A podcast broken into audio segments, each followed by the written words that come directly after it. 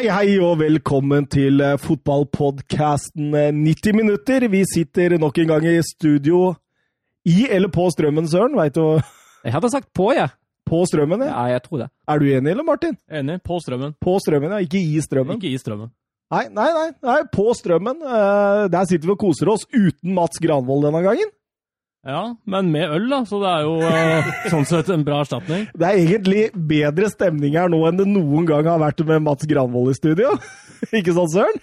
Nei, det vet jeg ikke si. Du, Det er veldig hyggelig å ha Mats med. hater Mats Granvold, du.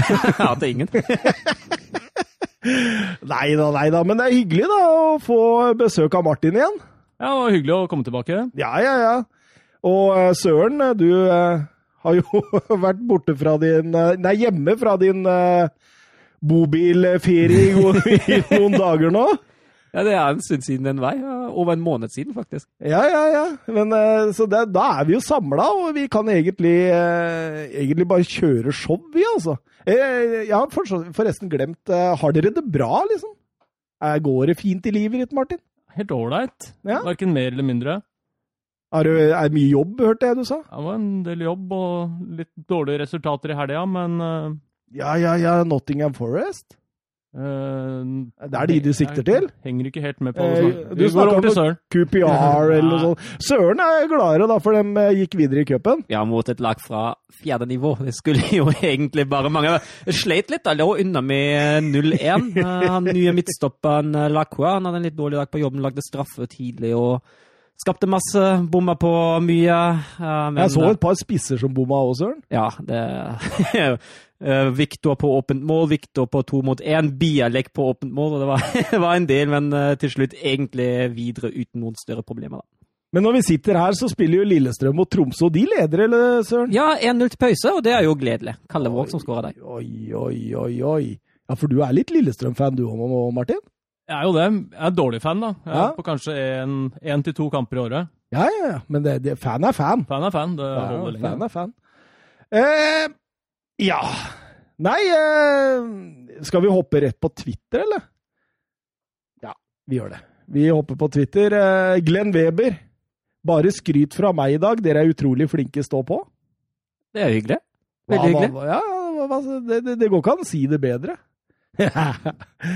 Em, Geir Halvor Kleiva, han eh, lurer litt på dette med Var det noen som så litt ligafotball i, i Frankrike i helga? Ja, litt så jeg jo, måtte jo det.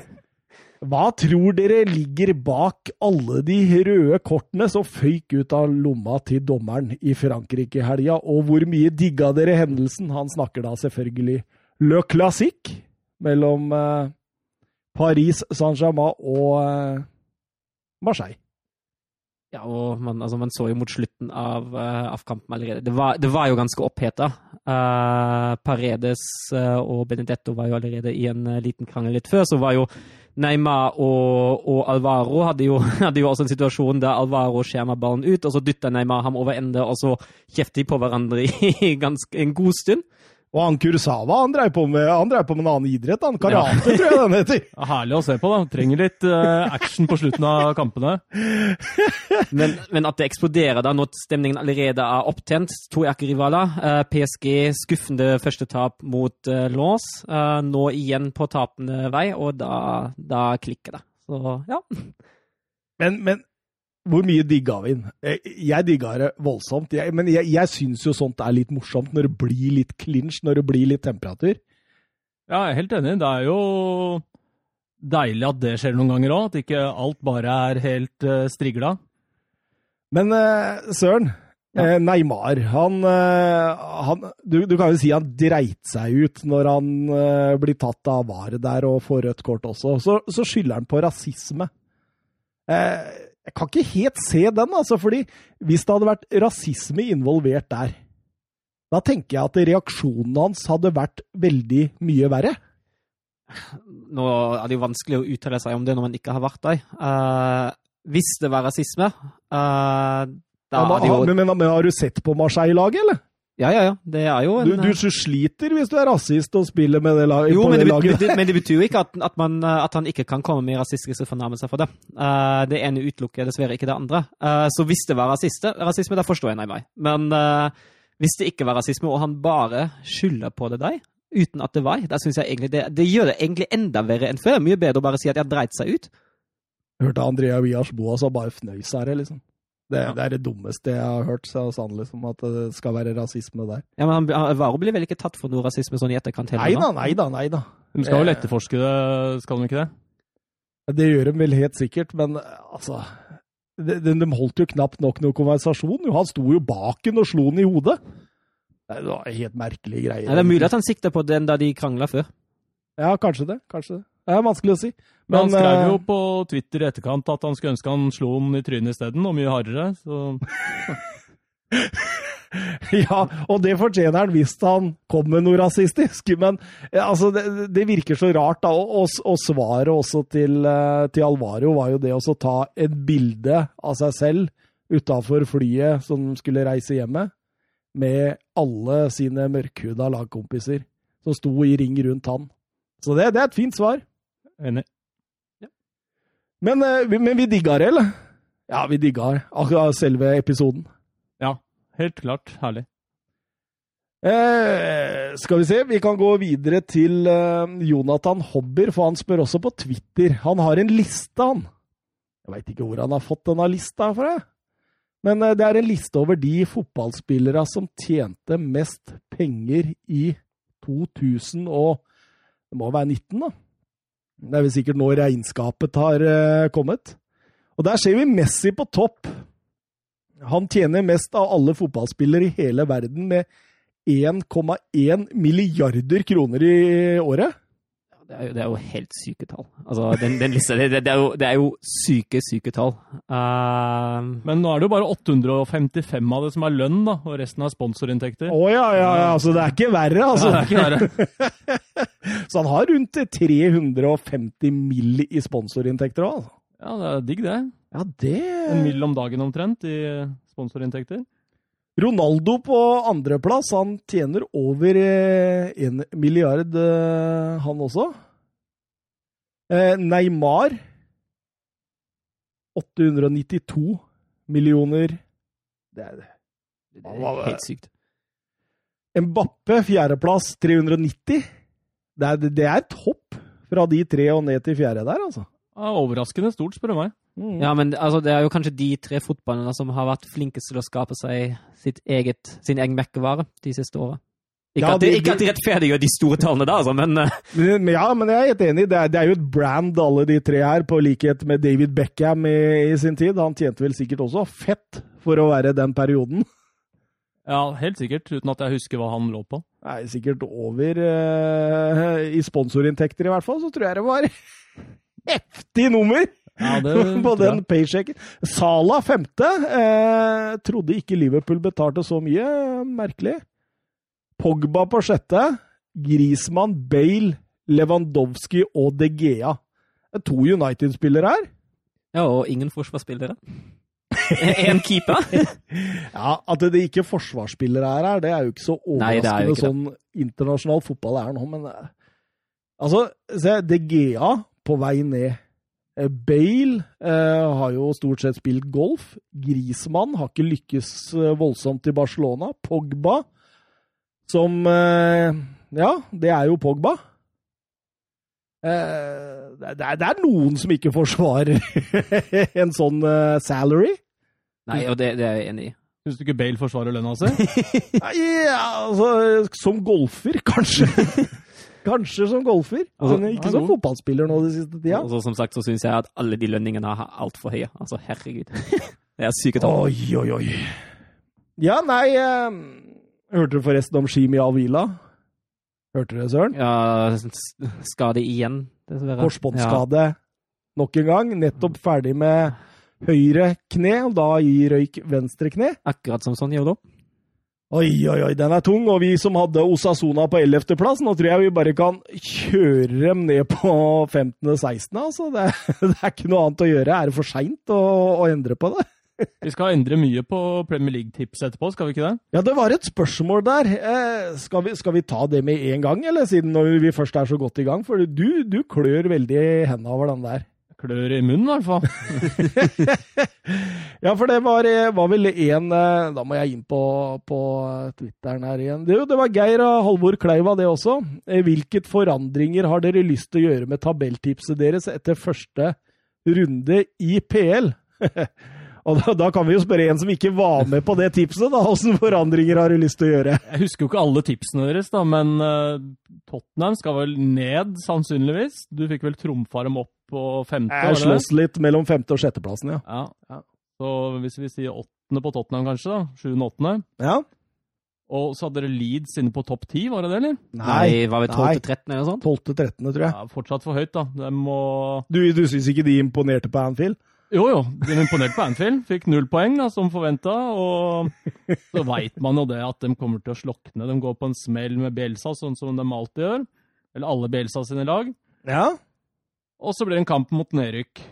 Men, men, i toppstriden der, da du, ja, Nå er jo ikke alle de laga som har spilt, mens Liverpool syns du uh, tredjeplass hadde vi vel dem på? Syns du det høres fornuftig ut? Faktisk ganske fornuftig. Mm. Ja.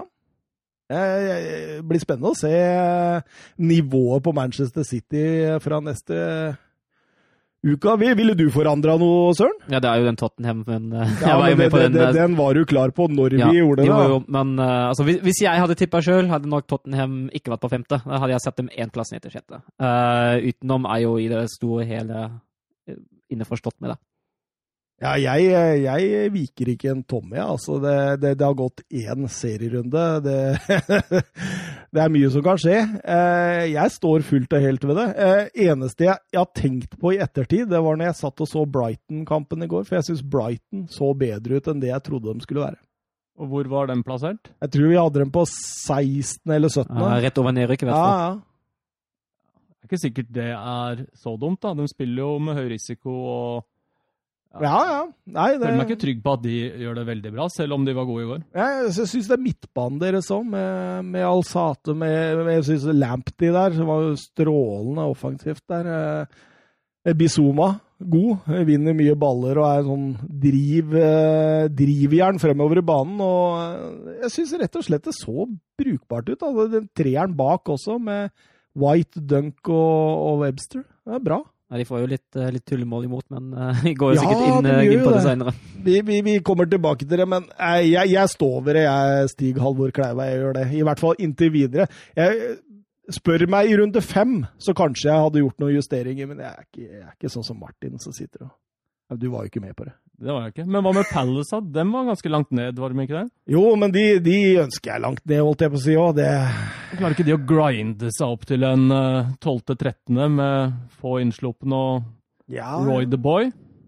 Og så jeg at Ben Rama kunne være på vei dit òg. Ja. Mm. Det er jo et stort pluss i så fall. Jeg, jeg føler Palace det er for bleikt, altså. Men ja, nei, men uh, Skal vi egentlig bare kjøre i gang programmet, eller gutta?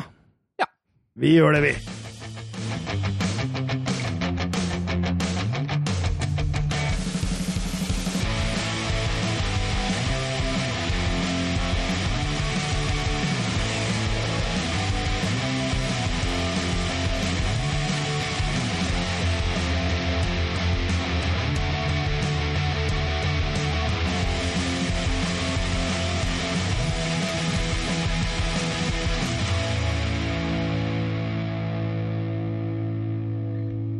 Ja, da har vi sittet under introen og prata tysk fotball i rundt 20 minutter.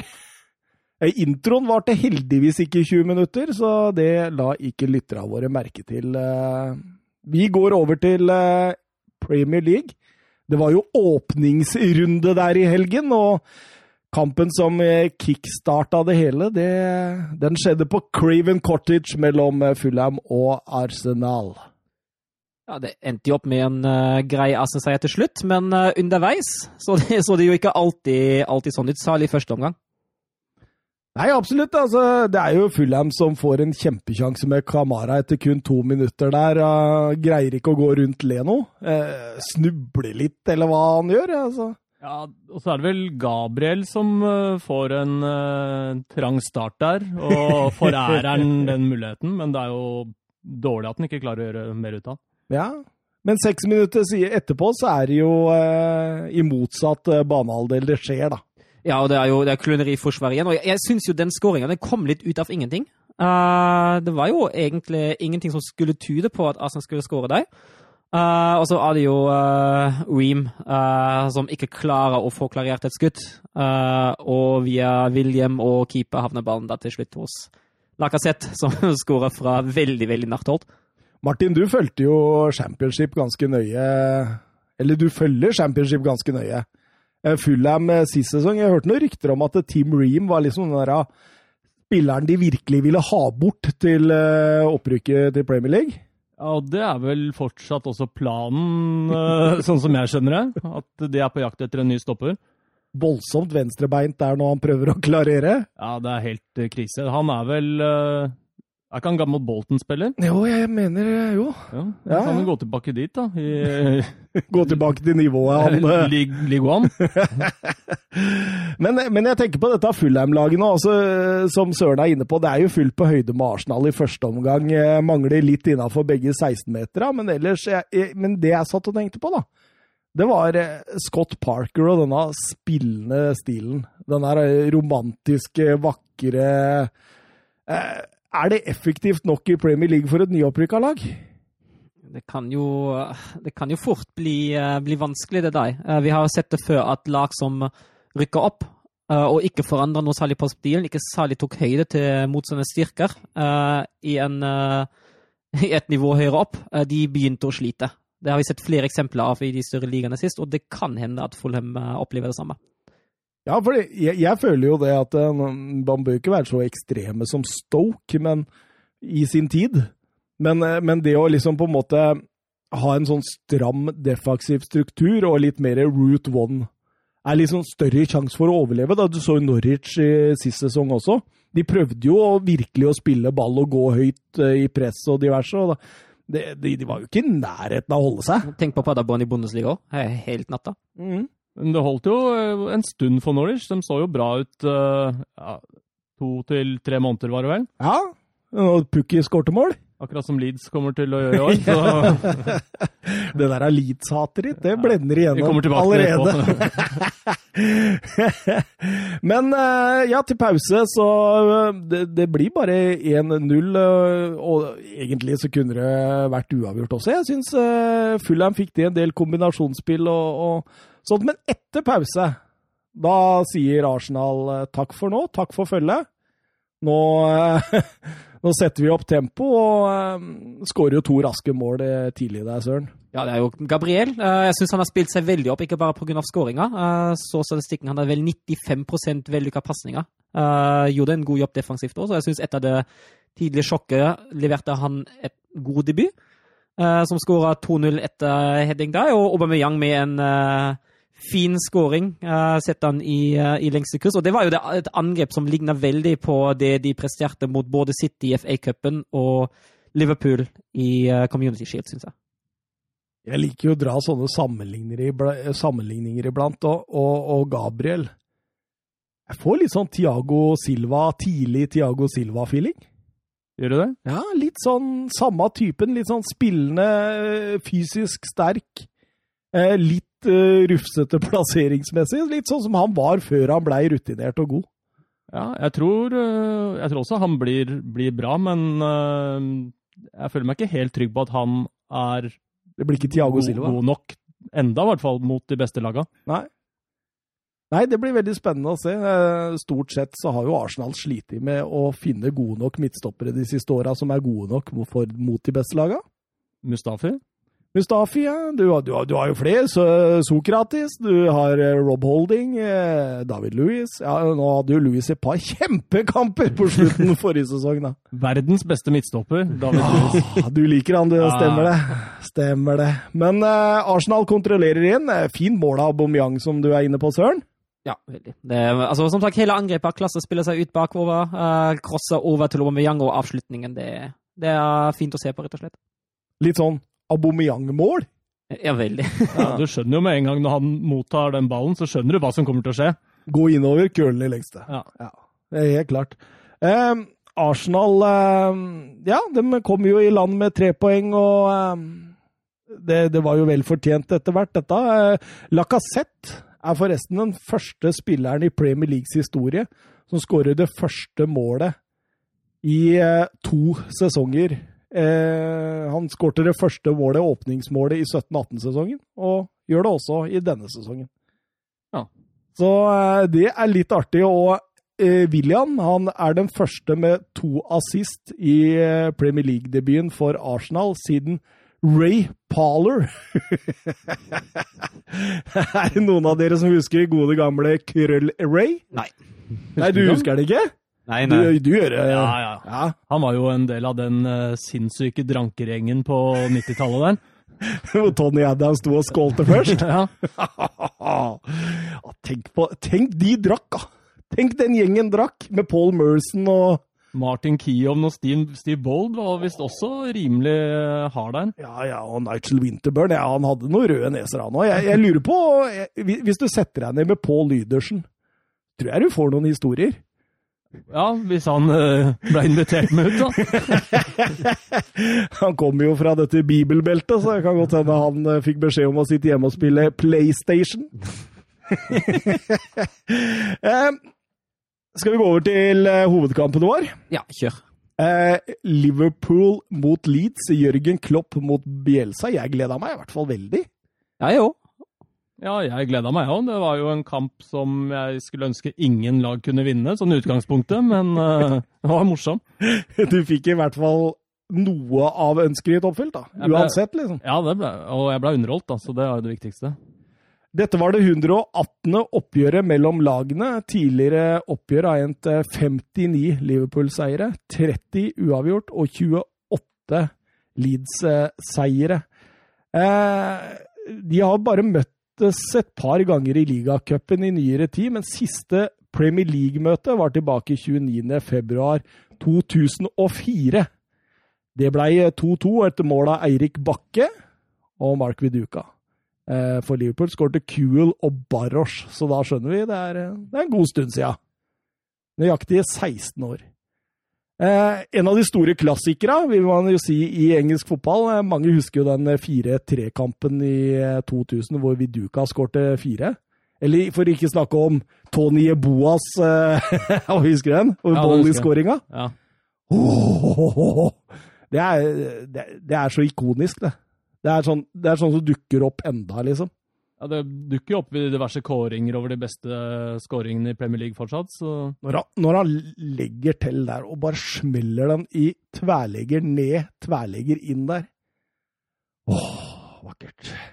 Liverpool i en 4-3-3, Leeds i en 4-1-4-1. Var det noe vi la merke til med lagene som er verdt å nevne, Søren? Jeg kan jo, eh, kan jo nevne at eh, Keita fikk, eh, fikk starte for Liverpool. Eh, ved siden av Henderson og Wijnaldum på midten der. Litt sånn uvant uh, treer i Liverpool. Ja. og så var det vel uh, Bemford som fikk starte på spissplassen for Leeds istedenfor Rodrigo. Så la man vel også merke til at Leeds så jo ut som en gjeng med partysvensker. Var manbun over stort sett hele linja. Så det var jo ganske provoserende, bare det. Du veit partysvensken spiller i Wolfsburg, eller? Det gjør han definitivt. Hvem av, hvem av dem da? Felix Klaus. Min eh, favoritt. Siden av John Anthony Brooks. Ja, han er glad i partysvensken. Ja, jeg har skjønt det. Eh, kampen Liverpool Liverpool best ut og får jo straffespark etter bare tre minutter, eh, hvor eh, nyankomne Robin Koch henser eh, Martin. Ja, gikk den ballen via beina hans først, eller? Eh, Jeg hører noen rykter om det. Jeg la ikke merke til det når Nei. jeg så kampen. Ikke jeg heller. Ja. Det så bare ut som en veldig klar straffe. Det hadde det vel vært uansett, men uh... Den er, den er soleklar, Uh, spør du meg. Det er ikke noe å diskutere, det, Søren. Nei, definitivt. Klar straffe. Mo Salah banker den i mål, høyt, midt i, og Liverpool tar ledelsen. og Da, da tenker man jo sitt, at oi, åssen skal dette gå? Men Leeds svarer. De eh, kjører på, de rister av seg sjokkåpninga og eh, spiller seg inn i matchen. og jeg, jeg, jeg syns jo det matcher Liverpool bra. Ja, i hvert fall i starten. da, synes jeg. Altså, Liverpool eh, som du sier, gikk jo veldig høyt ut og pressa, presser jo skyhøyt eh, fra første øyeblikk. Men så snart Leeds klarte å spille seg forbi Liverpool-presset, da begynte det å bli farlig. Ja. Liverpool lyktes en god del ganger med å presse høyt, men de lyktes ikke alltid. Og når Leeds kom seg forbi, da, ja, da var det fart i sakene. Jeg syns det var en nydelig, nydelig åpning. Så ekstremt mye energi. Og to lag som bare De, de bare gønna på offensivt.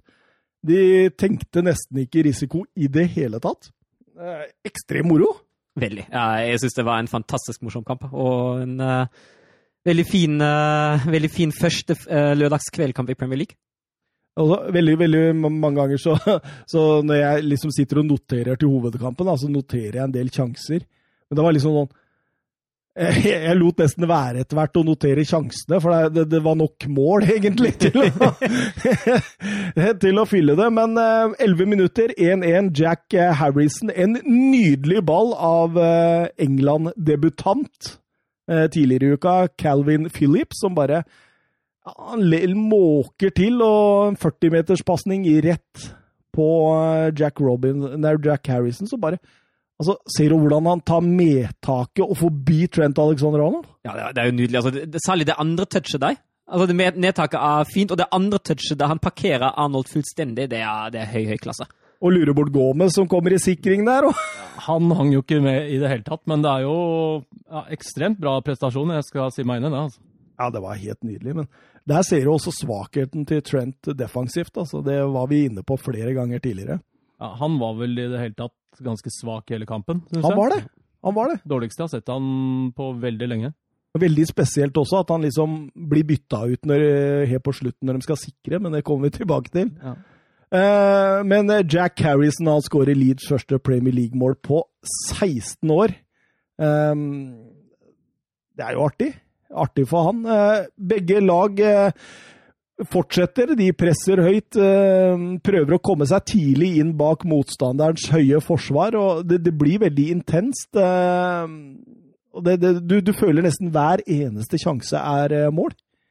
Ja, og det var jo ikke langt unna det det var heller. Leeds skårte vel, hadde vel tre mål på tre avslutninger på mål. Ja, Ja, så hadde, de vel, hadde begge lag hadde vel en eller to annullerte mål òg, så det var jo en del som skjedde òg. Eh, Ja, eh, van Dijk kunne skåret hat trick i, eh, alene omtrent, men eh, 20 minutter, da er det jo Virgil van Dijk som setter 2-1 for Liverpool. Eh, de står tre mot tre ute på 16 der, og så er det ingen som følger van Dijk. Nei, jeg føler jo at det var Kors jobb, så han fikk en blytung start uh, i Leeds-trøya, dessverre. Uh, men uh, jeg syns jo Kors Det ser jo ut som at Kors skal stå ved van Dijk og følge van Dijk, men han kommer seg jo aldri inn i, i den situasjonen der. Headingen går rett på uh, Melier. Ja, Men når han står bak streken, så blir det vanskelig å holde den ballen ute. Så, så er, jo, er jo en hard heading òg, for all del. Ja, og kort avstand er vel Ja. fire meter eller noe sånt. Det er, det er jo helt vilt. Så det er, det er ikke mye tid du har på å redde opp det. Men Søren, eh, du som har sett eh, Koch i eh, Freiburg, hva, hvordan har han spilt der? Nei, altså, han, han har innimellom noen sånne uttrykkheter defensivt som vi så mot, mot Liverpool. Han er, men han er, en, eh, han er en god duellspiller, egentlig. Og så er han en veldig, veldig fin spillende midtstopper. Han er veldig god til å være i, i oppbyggingsspillet og bidrar veldig godt. der. Veldig trygt med ballen. Ja, Det er vel derfor han er henta òg. Han spilte jo mye defensiv midt i Freiburg Nei, det også. han. Ja, og det, det kan absolutt gjøre. Han har kvaliteter nok til det. Eh, rett etter 2-1-skåringa til van Dijk så får jo Bamford en kjempekjanse. Kunne nesten eh, blitt 2-2 umiddelbart der. Eh, men litt dårlig touch når han skal prøve å runde Alison. Ja, og da begynte man å tenke på det som har blitt kalt eh, Bamford-syndromet. En eh, spiller Han har blitt liksom pers personifiseringen på eh, spillere som lykkes i championship, men ikke i Premier League. Ja, Så er han jo en grusom type, da. er han det, altså? Ja, ja, ja. Filmer masse og spiller piano og er sånn derre Filmer masse og spiller piano. Da er du, da er du grusom, søren! ja, da, da, Det er jo definisjonen på grusom. Det er jo filminga som jeg kanskje syns er verst. Altså, Pianospillinga er veldig fint. Filmer i tillegg. Rett etterpå så holder det på å bli komisk eh, selvmål av stopperen Pascal Stroik. Ja, det Det var heldigvis uh, Meslier som var med på noten. Sterk redning av uh, keeper. Ja, for der er han god. Ja, det, er det syns jeg absolutt. Altså, jeg, jeg så han inne først, og så kom han uh, flyvende og få han ut. Så 2-2. Patrick Bamford. Ja, der satt den. Det var jo ja, var for så vidt bra satt, det. Selv om han fikk jo en nydelig assist fra van Dijk der. Han bare ble lagt eh, deilig til rette. Ja, og vi fikk spørsmål på Twitter fra Petter Støvland. Van Dijk på vei ned, eller blir veldig nonsjalant nå? Vil Liverpool ha sjanse til å vinne ligaen igjen om van Dijk har blitt menneske? Eh, til spørsmål to, nei. Eh, Liverpool, Liverpool trenger van Dijk i toppform for å holde forsvaret der sammen. Eh, og jeg syns han er inne på noe her, fordi det er ikke, det er ikke den, den, første kampen der van Dijk ikke presterer helt på toppnivå. Det er ikke den første kampen der van Dijk leverer en blemme i 2020. Jeg syns han har sett litt mer rusten ut etter koronaåpningen. Han har hatt flere helt sånne. Enig. Helt enig. Kanskje han uh, trenger publikum for å få den spenninga i kroppen. Det er jo noen, altså de, de har jo snakka om det i forhold til dette med korona, at det, noen av spillerne de, de lever på den intensiteten fra tribunen, mens andre syns det bare er deilig at det presset er borte. Kanskje han er en sånn som rett og slett eh, ønsker et fullt Anfield? Det kan godt hende. Men eh, ja, men den goalen, det er jo uansett Det er litt tur går vi vel via keeper der. Men eh, det er jo bra for Bamford at han fikk satt den i Premier League. Det er vel lenge siden sist. Men det er jo den egentlige grunnen til at jeg hater den, er jo fordi Eller ikke liker den. For jeg hater ingen. Du, du og Søren er full av hat, Ja, altså. Han er jo opp, oppfostra i Nottingham, vet du. Og han er det, ja! Ja, ja, Altså, så når han eh, ble 1920, vel, så, så stakk han akkurat da han var tiltenkt å komme inn på, på laget. Oi, oi, oi. Så, så i litt mindre skala så er dette Nottingham Forest sin uh, Sol Campbell. Ja, det I litt mindre skala. Da skjønner jeg at du ikke hater den, nei, men eh, misliker den. Misliker den litt. men men til Støvland, da. Jeg, altså, vi må gi litt flere. Altså, Van Dijk kan ha en formdupp, han også. Øh, Nå har han vært strålende i så mange sesonger her. Vi, vi må gi noen tabber før Ja, vi kan begynne å avskrive det, det, det, er jo litt, det er jo litt skjebnen til en defensiv spiller. Når en defensiv spiller produserer en tabbe, det vises det gjerne på, på måltavla. Ja. Uh, det, det er jo litt det at de blir, de blir lagt større merke til. Uh, og han, altså det er jo ingen tvil om at en van Dijk i, i hvert fall normal form, er jo fantastisk god. Men eh, hvor lenge var Adam i eh, paradis? Adam her representert som Leeds United. Eh, Det var Det tok ikke lang tid igjen før han satt igjen der for Ja, Mo. Salah. Ja, og det, den der er jo nydelig. Altså, få en skåring.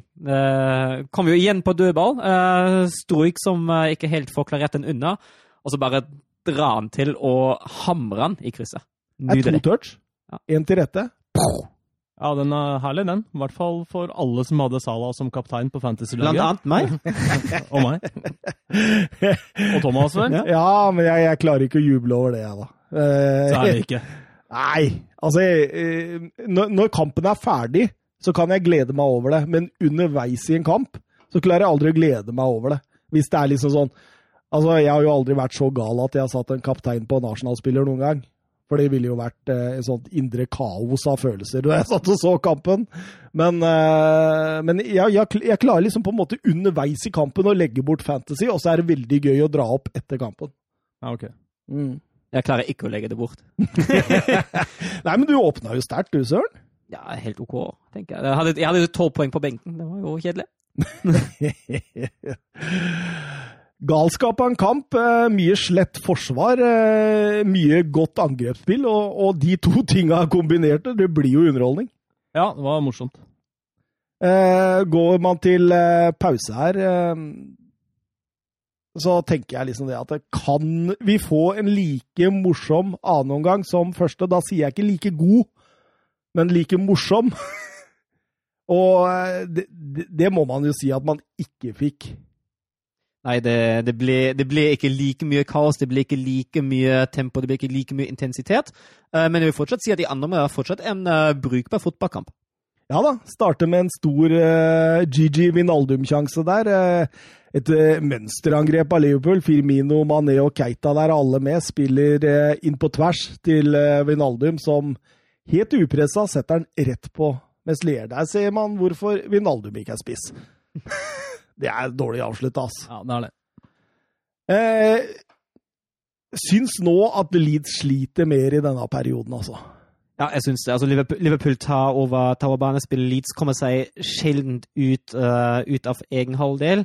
Uh, er ikke like god til å bryte, uh, er ikke like god til å presse, og blir spilt ganske lave. Absolutt, og da ser du jo også, etter at Klopp gjorde dette Keita og Fabinho-byttet, så gjør Bielsa Bamford til Rodrigo og Pablo Hernandez, som begynte å bli sliten, til Tyler Roberts. og da fikk de 3-3, faktisk, rett etterpå, Martin. Ja, dessverre så klarte de å Ja, Men hadde ikke uavgjort passa best for deg, ja? ja det var umulig å svare på. Men presset betaler seg, da. Det høye presset. Dette tenker jeg Dette er tatt rett ut av Bjelsas lærebok. Der er det høyt press vinner tilbake ballen, klarer å få vri om spillet kjapt til Helder Costiga, og innløpet der til uh, Matheus Klitsch der er jo nydelig. Du vet han var i Wolfsburg? Oi, oi, oi, oi. Reject uh, spilte 18 kamper med fire mål på, for andre laget. Har aldri spilt for første laget. Når var det? Og det var i starten av 2010-tallet. Er det polsk, er det ikke polsk, ja. ja. Kom, jeg tror han kom rett fra Polen til Wolfsburg. Lyktes aldri, ble utlånt. Lyktes ikke heller, og endte til slutt opp i Keiserslautern. Men uh, det, var, det, var, en god goal. altså. Dette er Bielsa-stempel over hele linja. Uh, helt nydelig. Hvilken telefon er det som ringer? Melding. Melding, melding. Det var ikke verre. Har du sånn Det, det der, der er intensivt for en melding, altså vibrerte litt? Er det, er det intensivt? ja, jeg, Følsom type, du? Ja, men jeg, jeg, er en sånn som lever på med telefonen i, eh, i, i lydløs uten vibrering når jeg uh, ikke er på jobb. Ja, ok. Mm. Hadde du kommentar sjøl? Nei, når jeg har den på lydløs, har jeg ikke vibrering på heller. Nei. Eh, men etter det 3-3-målet så ser du Klopp, han er rasende. Altså, det er sjelden de har sett Klopp så forbanna på sidelinja på sine egne spillere.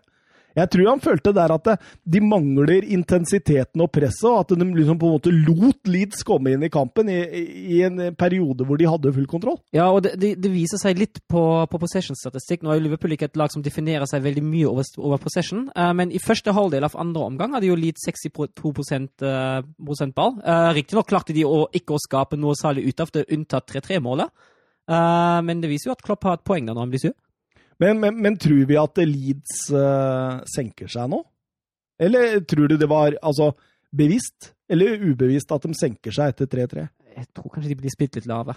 Mm. Jeg tror det. Ja. At Bielsa ville gjerne fortsette å presse høyt, og sånt, men at de bare falt tilbake pga. at det blei ja. for tungt. Mm. Jeg er ikke direkte uenig i det. Får vi et annullert mål der? Uh, Virgil van Dijk, eh, omdiskutert, eh, i hvert fall i sosiale medier. Jeg syns han er OK. Er, det er vel Koch der som blir tatt av Curtis rett i forkant der. Ja, og da kommer han seg ikke inn i duell. og Da er det, da er det en obstruksjon, og da er det, da er det annullert. Jeg syns det er greit å annullere. Ja, fint. Ja, enig. Men så 86 minutter, når du tror at ja, dette kan bli poengdeling på Anfield, så Rodrigo hva spiss, driver du med? Spiss i egen boks, det, det er, jo, er jo, et gjennomgangstema, det der. Er jo, altså, hadde ikke West Brom eh, spilt mot Leicester dagen etter, hadde jeg sagt det var den dummeste straffen som ble laga den helgen i Premier League.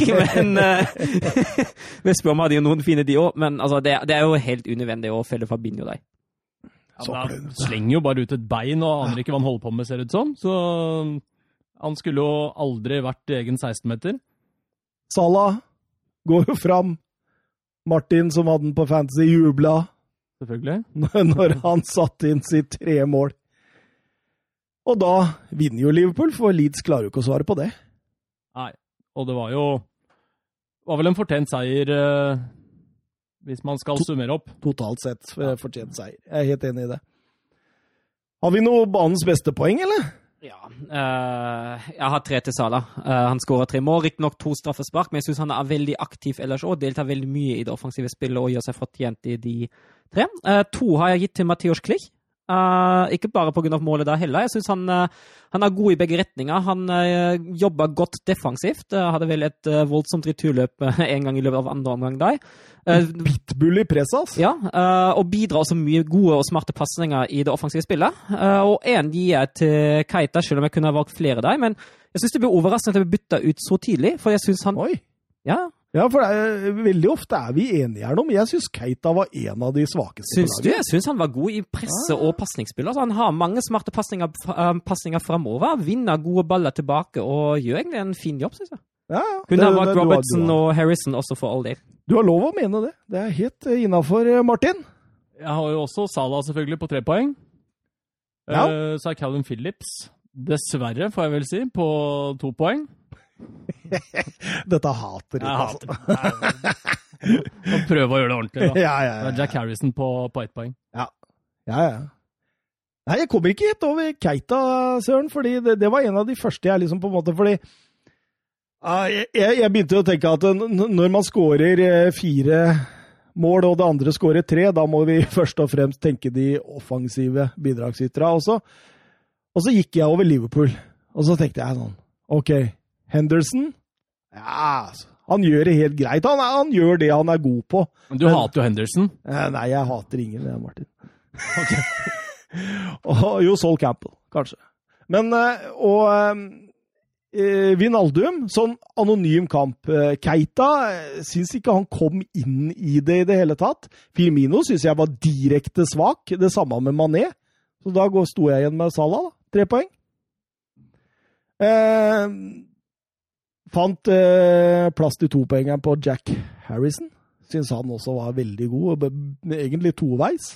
Eh, Skårer jo et eh, fint mål og skaper mye trøbbel for Trent Alexander Arnold. Men for å gå videre, Jack Harrison, er han City-eiendom? Ja, han er bare lånt ut enda. Han var lånt ut i fjor og ble lånt ut et år til. Ja, men Det er vel, går vel noen rykter om at han er i prinsippet klar, eller at de har en avtale klar for at den skal bli permanent? Nå begynner dette å komme til England òg. Dette er italienske greiene. Ja. Om at det går ikke an å bare kjøpe den med en gang. Du må låne den, men så har du satt deg en sånn greie om at du må nesten kjøpe den for en pris allerede neste det skjedde, år. Det skjedde, både, det skjedde i Tyskland, og jeg tror det har veldig mye med financial fair play å gjøre, at man jukser litt med ja, ja. de jukser i med de regnskapene. Åpenbart at det er, har et eller annet med budsjett å gjøre her, altså. Jeg skulle jo tro at City ville ha de penga så fort som mulig, egentlig, men uh, Trenger litt advokater.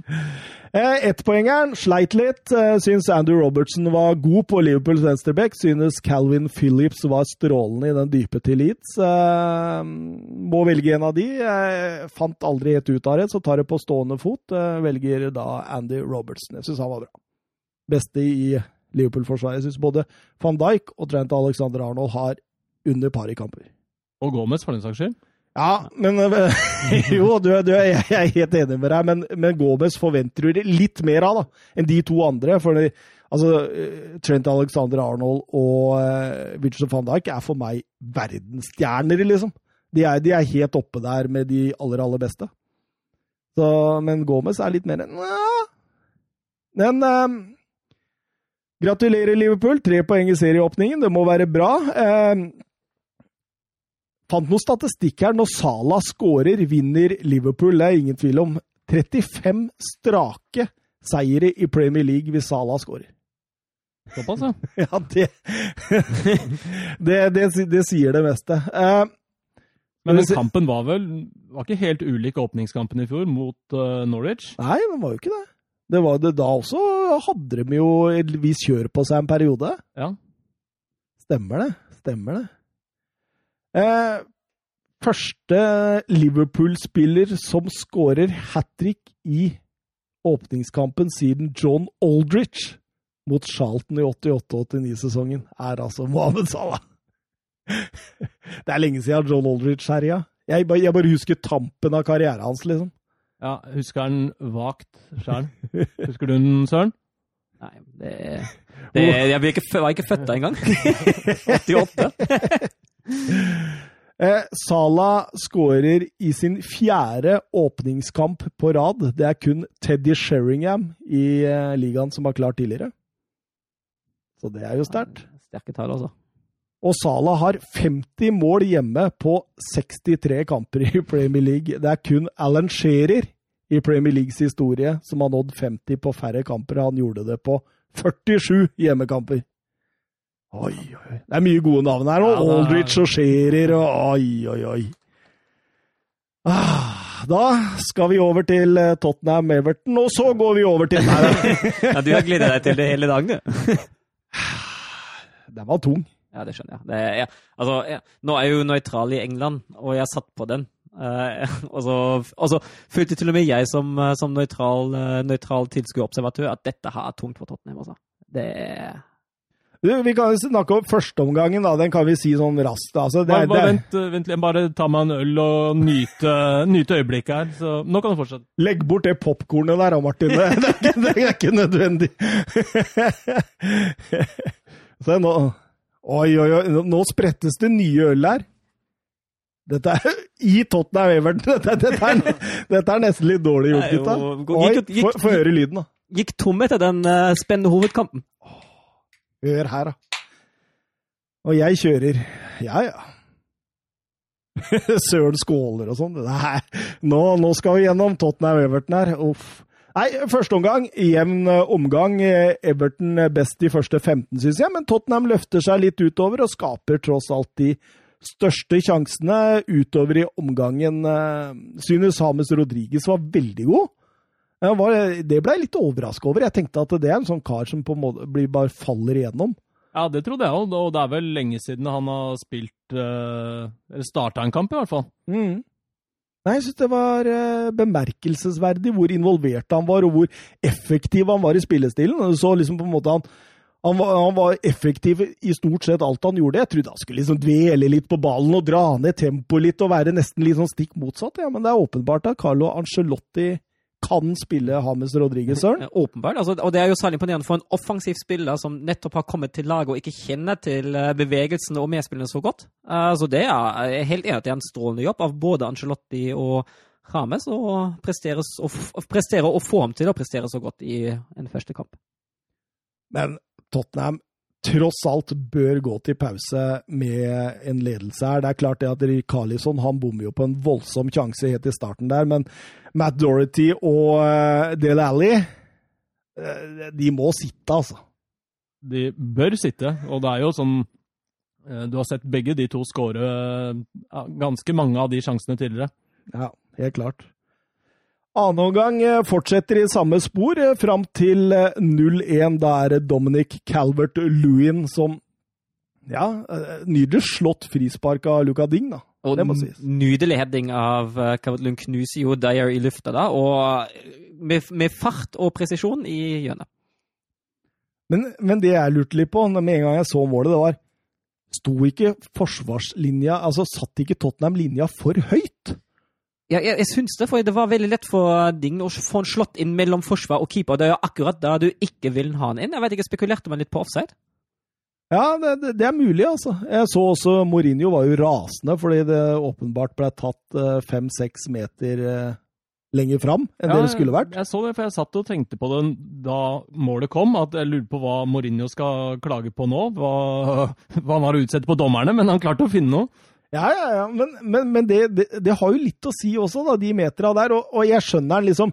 Hadde Atkinson, da, som hadde dømt, hadde han vært en sånn eh, som, som lot dette passere litt tidligere i omgangene, så er det sånn OK, da er det greit. Liksom, du vil bare få spillet i gang, kjør på. Men han pirka jo noe så voldsomt på en to-tre meter flere ganger i første omgang. Så det er veldig rart at han lot den gå, altså. Ja, På den annen side så er det jo ingen av spillerne som sier noe. Mourinho sier vel heller ikke noe da Nei, det skjer, da det så nei. det er noe han får beskjed om etterpå. og Det er fint å ha noen unnskyldninger. Ja, ja, ja. Det er godt å ha det. Eh, noen unnskyldninger for det som skjer etter 0-1, derimot, det, det skal man ikke ha, altså, fordi ah, det, det, det er greit, Mourinho. Du kjører opp i en 4-2-4. Du håper å presse høyt, vinne ballen tidlig og prøve også å presse Everton tilbake på den måten, men når ikke den fireren framme gidder å presse engang Jeg skjønner han blir litt oppgitt, faktisk. Ja, og det, det, hadde jo konsekvenser ikke bare for angrepsspillet, men også for forsvarsspillet. fordi på, midt, på grunn av det manglende presset i første ledd uh, klarte Tottenham aldri å få særlig grep på midtbanen, og Everton kom seg altfor lett uh, til og i boksen. Ja, altså det, det, det, blir jo en autostrada på midtbanen der å kose seg i, og det er klart det. Når du har klassespillere som Rikarlisson og, og Hames Rodriguez da, så blir det jo kontra på. Ja, men jeg bare tenkte på en ting. Ehm, hva syns du om nysigneringene til Tottenham?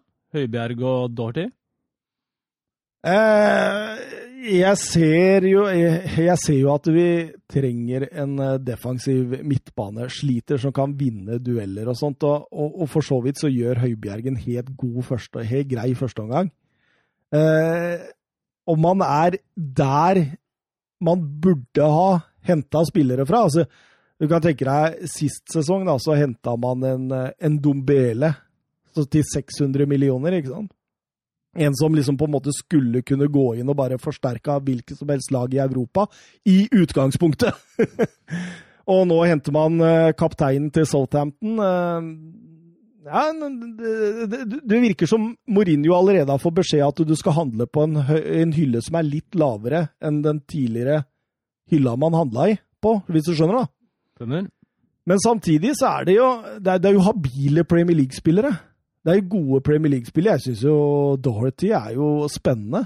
Han er jo en god offensiv bidragsyter, en, en solid back. Men hvor mye bedre enn Aurier han faktisk er, det er jeg litt usikker på. Han er vel øh Føler at han har litt mer til å stole på enn uh, Aurier, eller? Ja, og, og, og det er det eneste òg, på en måte. At uh, han er litt tryggere. Du, du, sitter ikke med hjertet i halsen når han går i press innafor egen 16-meter, men uh, jeg, jeg synes Kvalitetsforskjellen mellom dem sånn som fotballspillere er ikke så voldsomt stor. og Det, det er akkurat det samme med Høibjerg, som kommer inn for ja, Kall det Sisoko, Ndombele, Winks. Det er vel de som stort sett har hatt den dype rollen. Ja. Uh, det som spørs hvem du vil hente da, uten Champions League og med tanke på økonomisk situasjon etter pandemien og hele den pakka der. Det, er, det, det henger nok sammen, det gjør det. Men, men, eh, jeg kan jo ikke heller si at eh, når disse kjøpa var klare, at jeg tenkte at nei, dette er dårlig kjøp. La det være. Jeg husker jeg diskuterte med en på Twitter om, eh, som var veldig positiv til Dorothy. Fordi jeg tenkte det at han er jo vant til å spille Han, han var så veldig opptatt av, av Dorothys offensive tall, for de er jo strålende, ikke sant? Men han er jo vant til å spille en wingback. Og hvordan, hva er forskjellen på å spille i en flat firer og wingback i 3-5-2?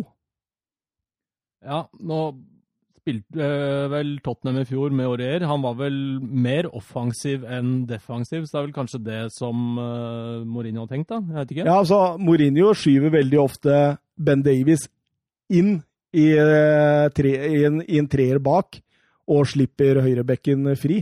Så det blir på en måte i, eh, i, Mot etablert eh, defensivt så er det 4-4-2. Eh, og offensivt så er det ofte 3-5-2. Ja. Eller 3-4-3. Det spørs litt. Så altså Selve tanken om å angripe er jo der, selv om det ikke ser sånn ut alltid.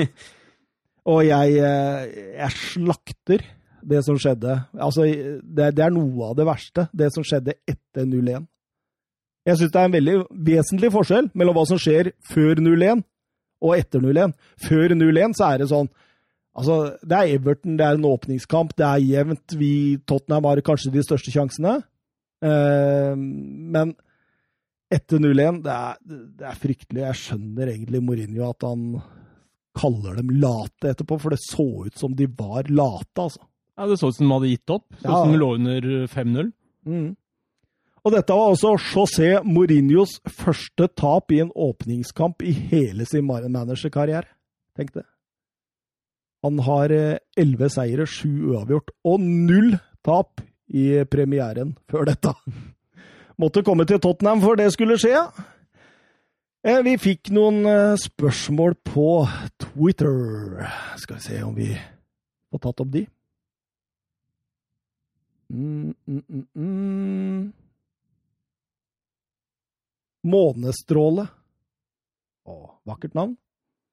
Ny, ny, lytter? Ny, ja, om ny lytter, så i hvert fall ny spørsmål. Ja, det er hyggelig. Veldig, veldig hyggelig. Så jeg var inne og kikka på profilen også. Tottenham-fan. Nei. Jo, jo. Men hun hyller Evertons midtbane her, da. Eh, Det, det er for så vidt greit, det. Synes midtbanen til Everton virket solid. Hvem kjøper man hvis man tenker fantasy?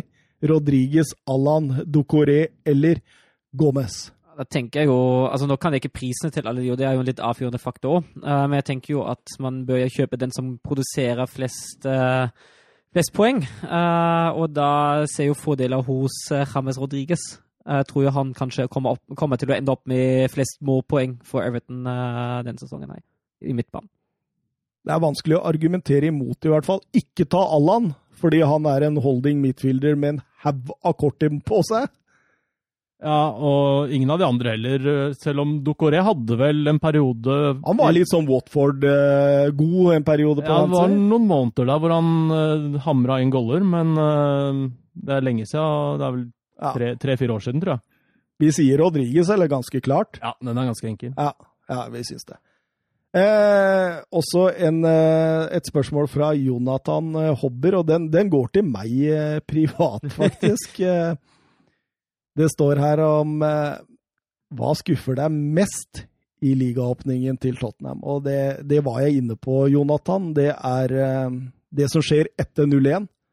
Hvor de går opp i en 4-2-4 og skal presse ganske høyt, og så kommer ikke det presset. og du etterlater deg et bakrom som eh, altså det, det, det er så stort at eh, hvem som helst, nesten, kunne ha skapt sjanse på deg. Og, det, og jeg, jeg ser ikke helt hvorfor åssen altså Jeg har sett flere nevne at eh, ja, dette er Mourinho, dette er Mourinho, men Mourinho sier jo ikke 'løp halvveis opp i press'.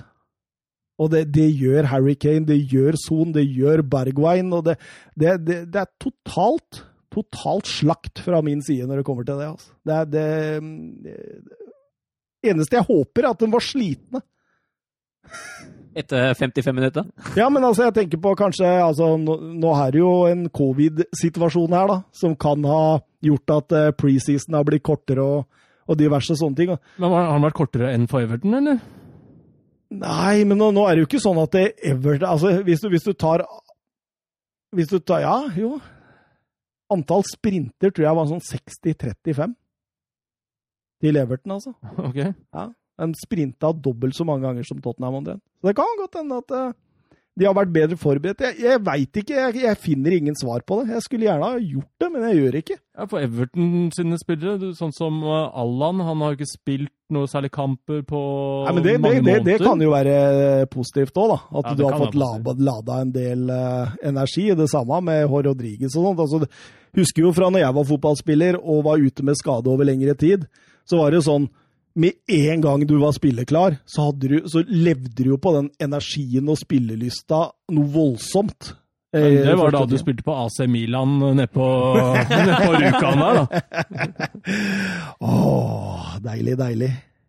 Um, nei, vi eh, får eh, ta turen videre til Brighton-Chelsea. Den gikk i går kveld. Den satt jeg og kosa meg med.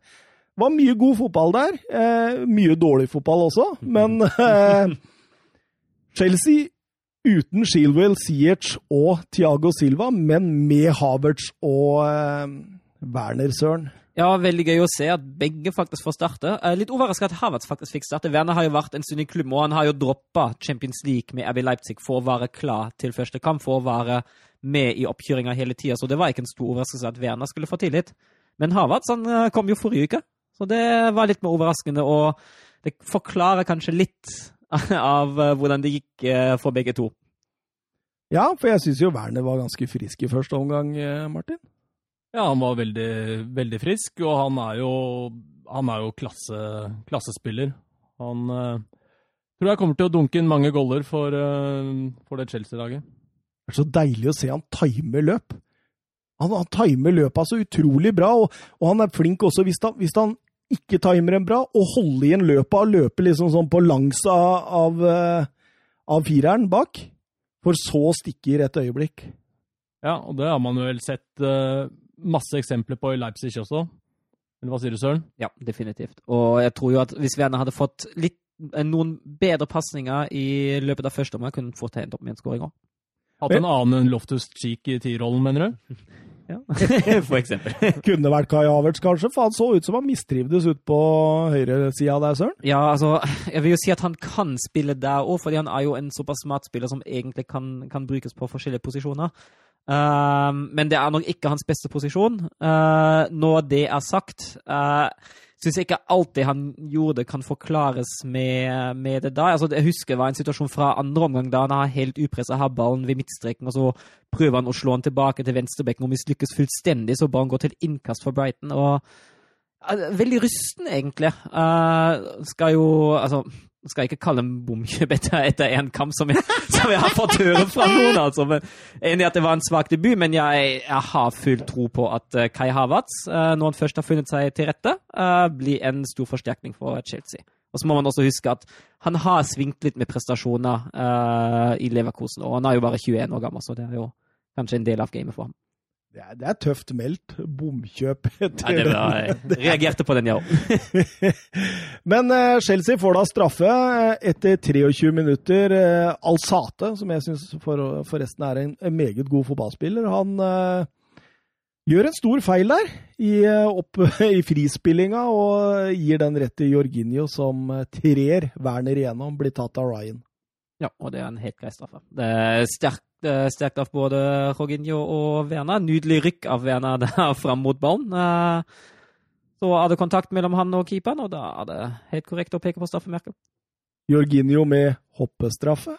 Ja, Det var fint å se på det. Det er, det er fascinerende å se, da. Han må jo være kjapp i huet, som klarer å, å se at keeperen går før han triller den til andre sida. Og det er jo ikke første gangen han gjør heller så noen United-fans på sosiale medier påstå at han kopierte Bruno Fernandes. Da har du ikke fulgt med i timen. Da har du ikke fulgt med i timen. Det er typisk United-fans. Uff a meg. Ja, møkkafolk. Eh, men um, det blir jo en jevn kamp, Søren. Og... Jeg syns Brighton er best i første omgang, altså. Eh, jeg syns det. Jeg syns Chelsea, Chelsea virker veldig han bruker ordet rustne, men de virker veldig rustne. Jeg syns de var merkelig upresise i, uh, i oppbygginga. Det var lite som, uh, som lyktes der. Uh, og det kunne fort ha vært fort ha vært 1-1 til pausen der.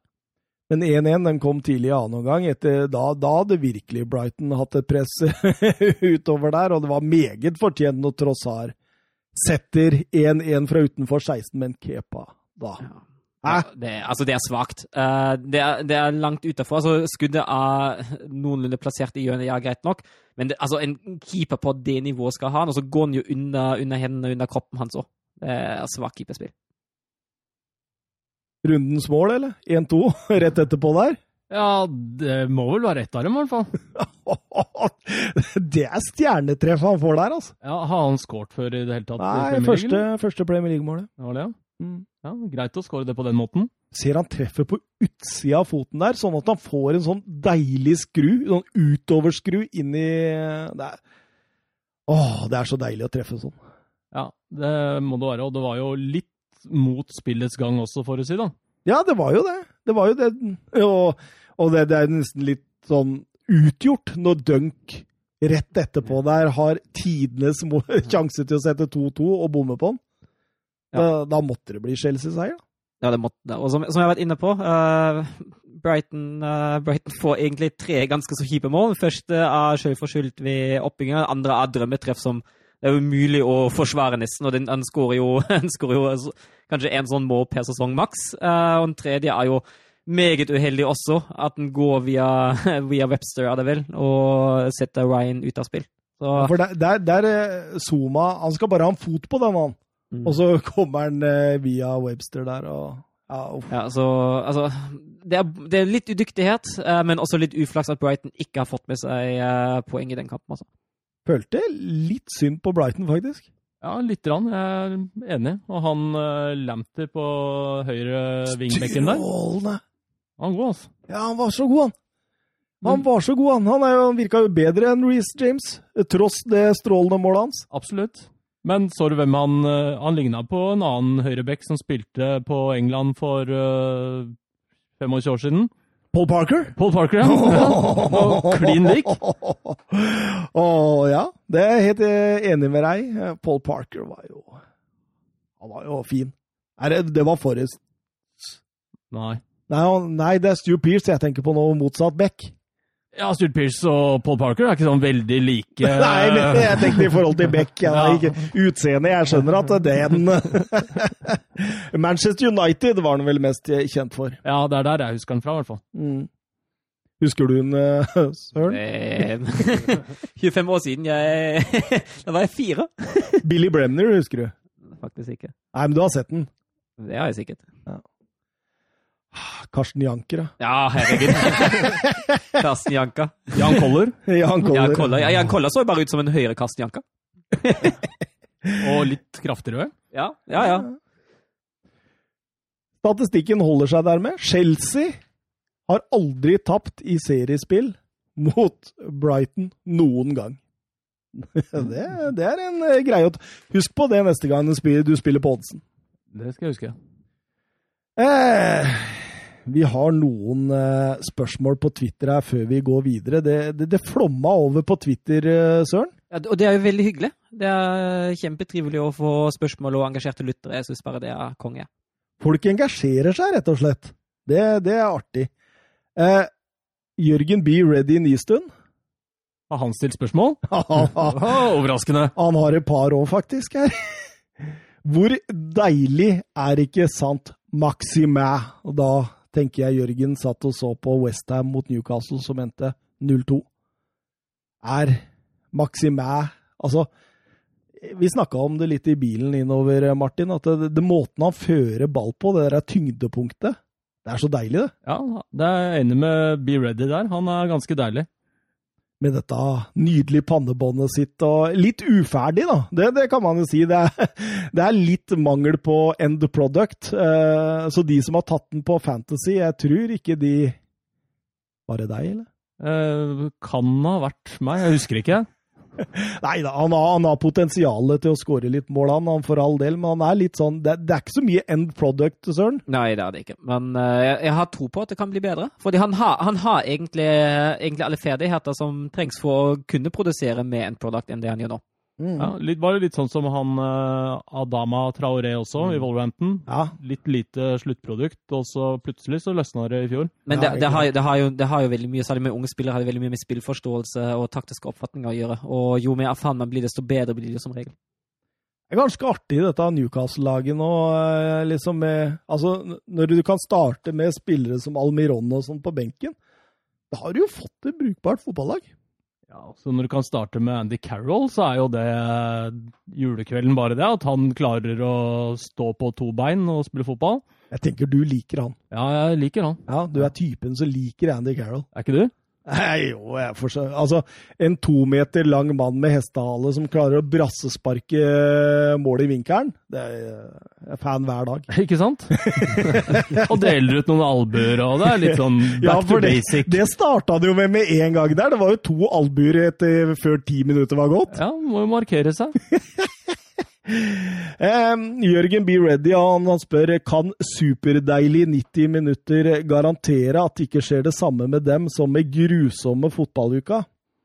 Da måtte jeg eh, spørre eh, hva har skjedd, og eh, Jørgen eh, trekker fram at de har kommet under Podme, som er en sånn betalingsplattform. Og der kan vi vel betrygge Jørgen om at uh, 90 minutter uh, Vi skal ikke under noe betalingsplattform, Søren. Nei, vi, vi skal være gratis. Og Vi det skal er, være gratis. Og det er fint at vi er. Det er, det er, det, sånn må det bare bli. Ja. Vi er en gratispod. Hvem skal betale meg når jeg er gjest her, da? du kan få en øl i ny og ne. Ja, over til La Liga. Vi hadde jo ikke sånn voldsomt mange kamper der. Det, Sevilla spilte ikke, Barcelona spilte ikke, Real Madrid spilte ikke. Atletico Madrid spilte ikke, selv om Søren hater Atletico Madrid. Jeg hater ingen. Men eh, Real Sociedad, de spilte. De møtte Real Valladolid, og um, Dette var svake greier, Søren. Åh, ja, det var det. Uh, jeg blir skuffa. Jeg skulle forvente at uh, Sociedad egentlig skulle være i stand til å få et greit resultat her og levere en grei kamp. Men uh, resultatet var kanskje det beste som skjedde i den kampen for, for Sociedad, altså. Det var det, fordi det var, det var så tannløst. Det mangla rytme. altså Mye på fot eller bak løp. Det var ikke noe foran. ikke sant? Det var ingen kreativitet. altså Nå mangla jo David Silva, eh, som skal ta over rollen til Martin Ødegaard. Eh, Nacho Monreal eh, mangla. Eh, kunne ha spilt hvis det var veldig viktig, men valgte å spare. Noyar Sabal han kom jo rett, nettopp fra covid-karantene, så han eh, var ikke helt klar. Eh, Saldoa på høyrebekken skada, William José skada. Så det, det, var jo merkbare eh, fravær. Ja, det var det. Uh, og altså, jeg vil jo også si at uh, det var jo det var jo sånn fotballkamp med mange tekniske feil hos begge lag. Det var jo demningsfeil og enkle pasningsfeil. og Det var egentlig sånn, sånn typisk, uh, typisk, kamp etter lang pause for begge. Um, og så la jeg særlig merke til at Sociedad med en gang Valladolid kom seg inn i, uh, i en én-mot-én-situasjon på bekket der, der sleit de. Mm. Det, det, var helt krise for Sociedad å få greia på, på bekkspillet sitt. Og, og det er der 1-0 kommer òg. Ja, ja, det er det jo. Uh, det, det, er jo altså, det er jo en fantastisk pasning uh, av Nacho Martinez, er det vel, mot Guardiola. Og han, han sender jo Núñez på, på bakken. Ja. Han, han, han sitter, jo, sitter, jo, på bakken og slår fint 45 inn. og da er det enkel jobb for Michel å sette den. Men altså, backspillet det er ikke den første gang det skjer i den kampen. At det er dårlig backspill. Men eh, Real Sociedad kan jo takke en viss keeper med navnet Jordi eh, Masip for at det blei 1-1. Så du keepertabba, altså, Martin? Eh, ja, faktisk. Jeg skal vel eh, innrømme at jeg så jo ikke veldig mye av den kampen. Jeg så noen høydepunkter på YouTube. da. Og da så du jo keepertabba? Jeg gjorde det voldsom, faktisk. Eh, kløneren i mål eh, der. Eh, et frispark fra Roberto Lopez som bare Altså, det, det går jo over alle, også. Altså Jeg syns det er forferdelig av, av Masip der. Kanskje Roberto kan komme inn og gjøre det bedre? Gamle Westham-legenden. Han har lenge siden jeg har tenkt på. Husker jeg vurderte den til fancy forrige sesong. Men 1-1 er for så vidt greit, eller eh, ja. Ja, jeg, jeg, altså, ja, jeg syns altså hvis Etter det målet det, det, altså, Sociedad prøver, de bytter jo inn uh, Oyasabal og Janosei uh, og Bautista, så de, de, vil jo vinne den kampen til slutt. Men det, det, er så lite etablert angrepsspill hos begge lag. Det, det, er jo ingen som klarer å etablere noe som helst i motstanders halvdel. Det var, nei, det, var, det var, en fryktelig svak fotballkamp. Uh, Valladolid er sikkert fornøyd med å ta med, ta med ett poeng uh, mot Sociedad i den kampen, så de, de skal være litt unnskyldt. Men uh, Sociedad, det var, det var nesten å se, som å se dem rett etter korona, da de var i den fryktelig tunge perioden. altså tror godeste Ronaldo, den originale, kosa seg med ett poeng mot uh, Lareal. Han uh, Fikk jo også se sin uh, østerrikske toppskårer Weismann. Weissmann. Uh, han er fra Israel, men han var jo toppskårer i, nei, Østerrike sist sesong. Ja, var det. I ti minutter der, uten at han klarte å utrette noe særlig. Vi går videre over til kaosklubben Valencia, som tok imot Levante hjemme på Mestalla. Ja, og kaos er jo et godt stikkord der. det var jo kaos etter 35 sekunder. Det som skjer utafor banen, det skjer på banen. Eh, tror Gabriel Paulista ligger to ganger i bakken eh, når Morales er på vei der. Eh, flott gjort, da.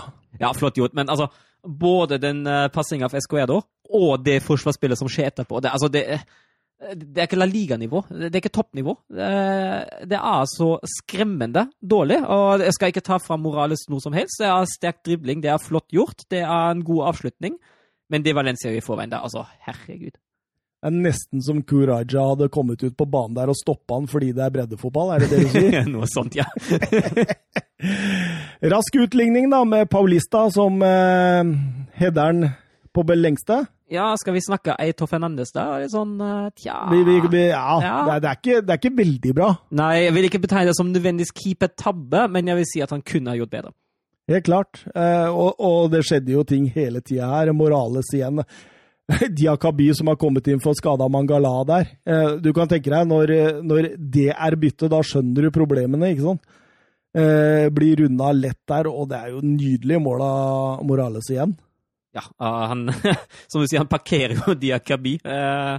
Og så banker han den i krysset. Og det er jo det er fullt fortjent. Levante er det beste laget i, uh, i hvert fall første, første 35 minuttene. De fikk jo annullert en skåring òg. Riktignok annullert, men for hands. En trippelsjansen, ja. Ja, uh, og det, det, må jeg, altså det må man berømme Dominic. Uh, bra keeperspill. Nå har jeg snakka litt om dårlig keeperspill. Framhever bra keeperspill òg, men den første omgangen av uh, Valencia der, det er svakt. Uh, og de reddes litt av at uh, forsvarsspillet til Levante til tider ikke er særlig mye bedre, det heller. Ja, for Maxi Gomez han triller inn 2-2. Ja, men altså, da er det én spiller som går på løp.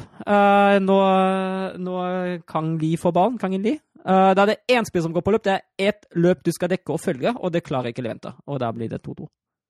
Kagin Li der, som blir den yngste spilleren for Valencia med to assist i La Liga på hele 2000-tallet. Eh, forrige rekordholder, Juan Mata, han var eh, noen dager eldre når han eh, hadde to assist i 2008. Kagin Lie han eh, er en del av den nye viden som Peter Lim og dette fantastiske Valencia skal satse på. Eh, annen omgang der da blir jo litt kjedeligere enn første, men eh, preges jo av en innbytter som eh, får sin eh, kanskje livsdag på fotballbanen, Søren. Ja, du tenker på Verrejo? Ja, ja det, er jo, det, er jo, til slutt han som sikrer seg. Han får jo han får en gigasjanse rett etter at han blir bytta inn nå. Eh, da er det riktignok Fernande som redder, men eh, to-tre minutter seinere, da sitter han. Det er en annen innbytter som, som legger inn, Cherry Chef. Mm. Da er det sterkt av Maxi Gomez. Som, Absolutt, som hopper over der, ja. Ja, og god og kontrollert avslutning av Ferrejo, og så og, og, sitter han på overtid nå. Gomez setter han i stå på Varejo A.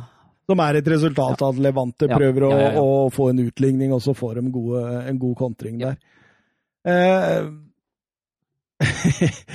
ja, det Altså, dette Valencia altså det, det, er, det, er, jo litt morsomt da at det går an å gå så på trynet og, og, og få supporterne så voldsomt imot seg som det de gjorde.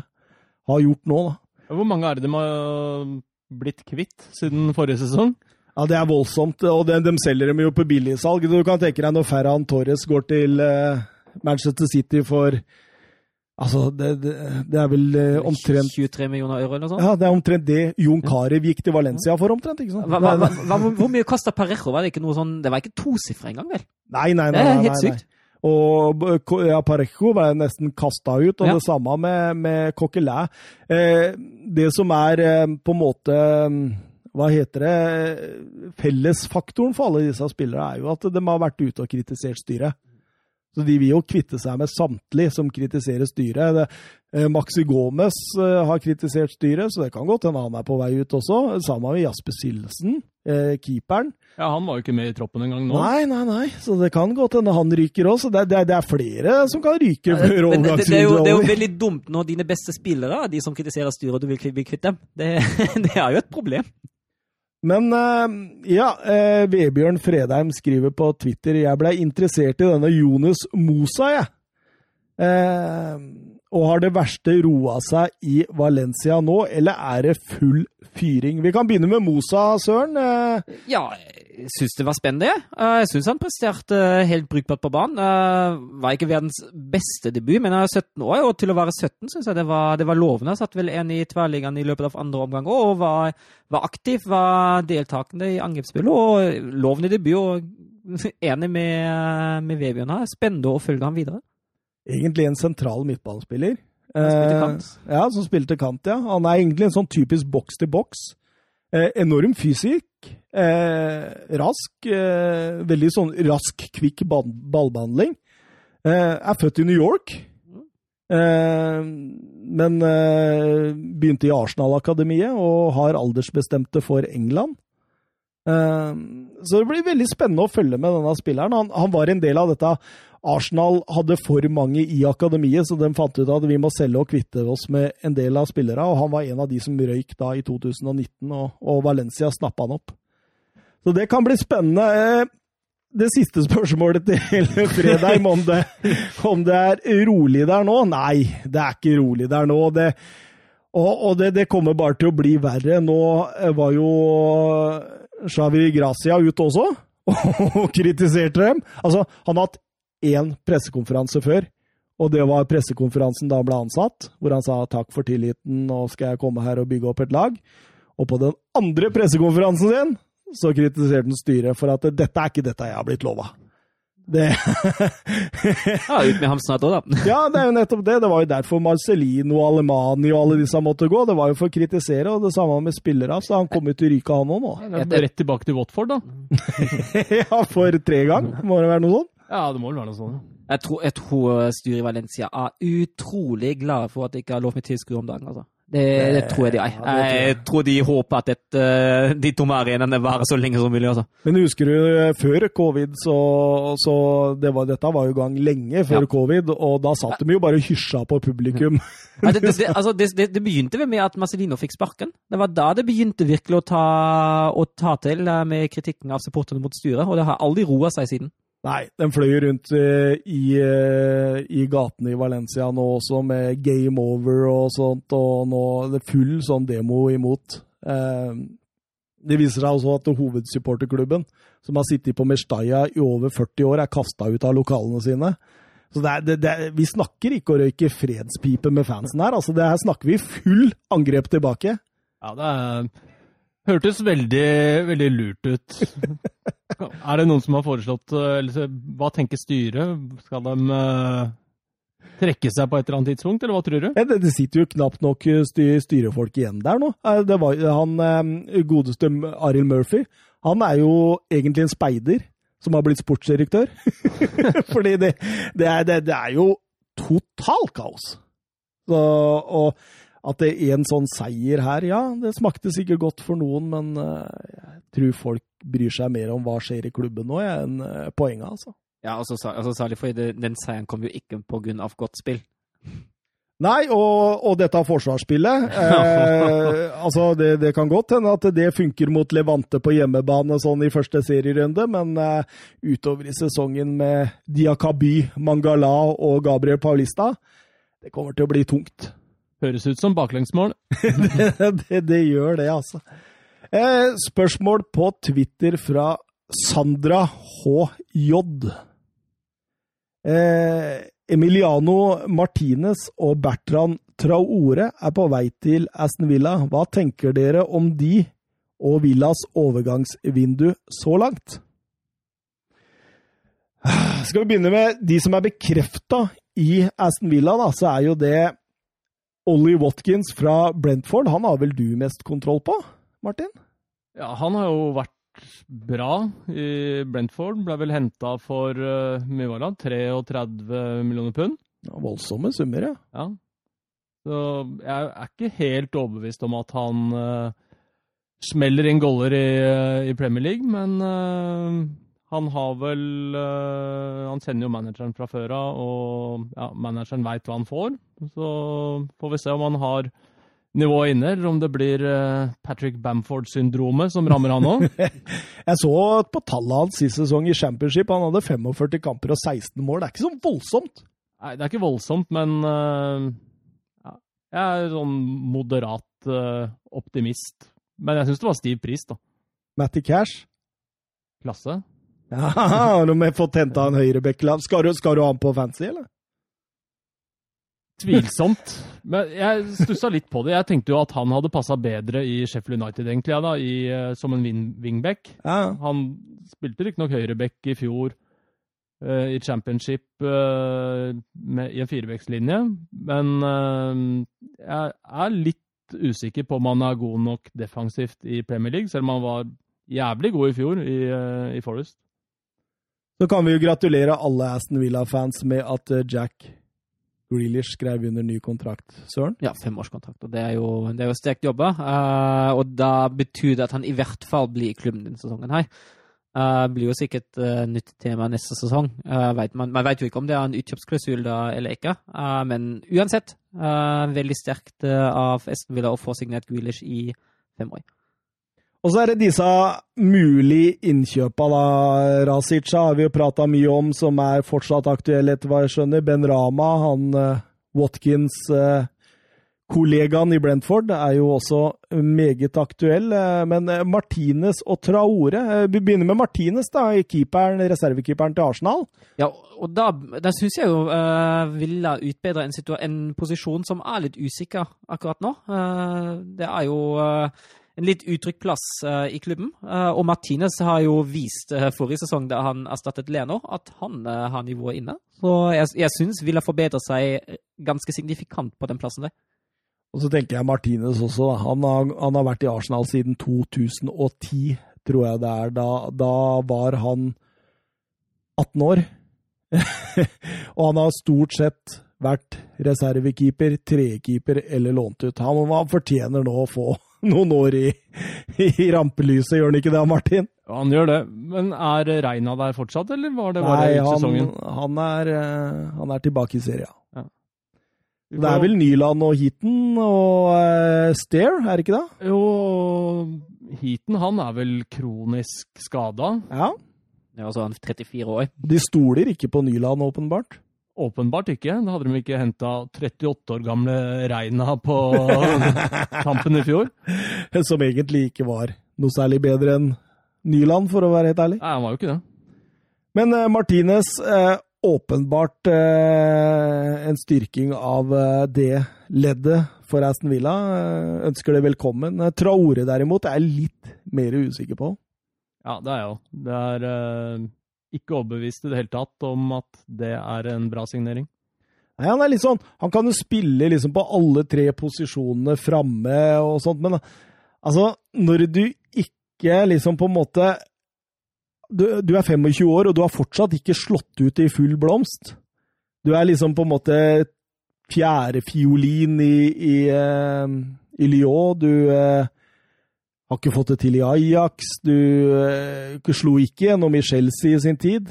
Jeg har ikke noe voldsomt skåringssnitt på i Burkina Faso eller på landslaget, liksom, som jeg vil anta møter en del svak motstand i, i diverse kamper. Så. Har ikke du sett noen kamper der på Nei, ikke i Burkina? Faso! Der er det, Du drev og så på hva det var for noe PSV Hamburg eller et eller annet Ja, eh, ja, ja, ja, treningskamper ja, ja, ja, sånn. Det er faen meg sjukt. Det, det Jeg satt og imponerte Søren der. ja, veldig. Men, eh, men Søren han kunne finne på å sette Burkina Faso. Du- Han, han, han, så, han var en av de som heisa på islandsk fotball. Ja, færøysk. Men uh, Færøysk, og og et, et, en, uke etter lock, Enda verre! en uke etter lockdown spilte jo fortsatt Qatar, så jeg skulle jo en kamp fra Ja, stemmer det! Husker jeg også du Ja. sa! Så vi, vi ligger der, da. Ja, Altså, fotball er jo gøy uansett, tenker jeg. Bra med fotball.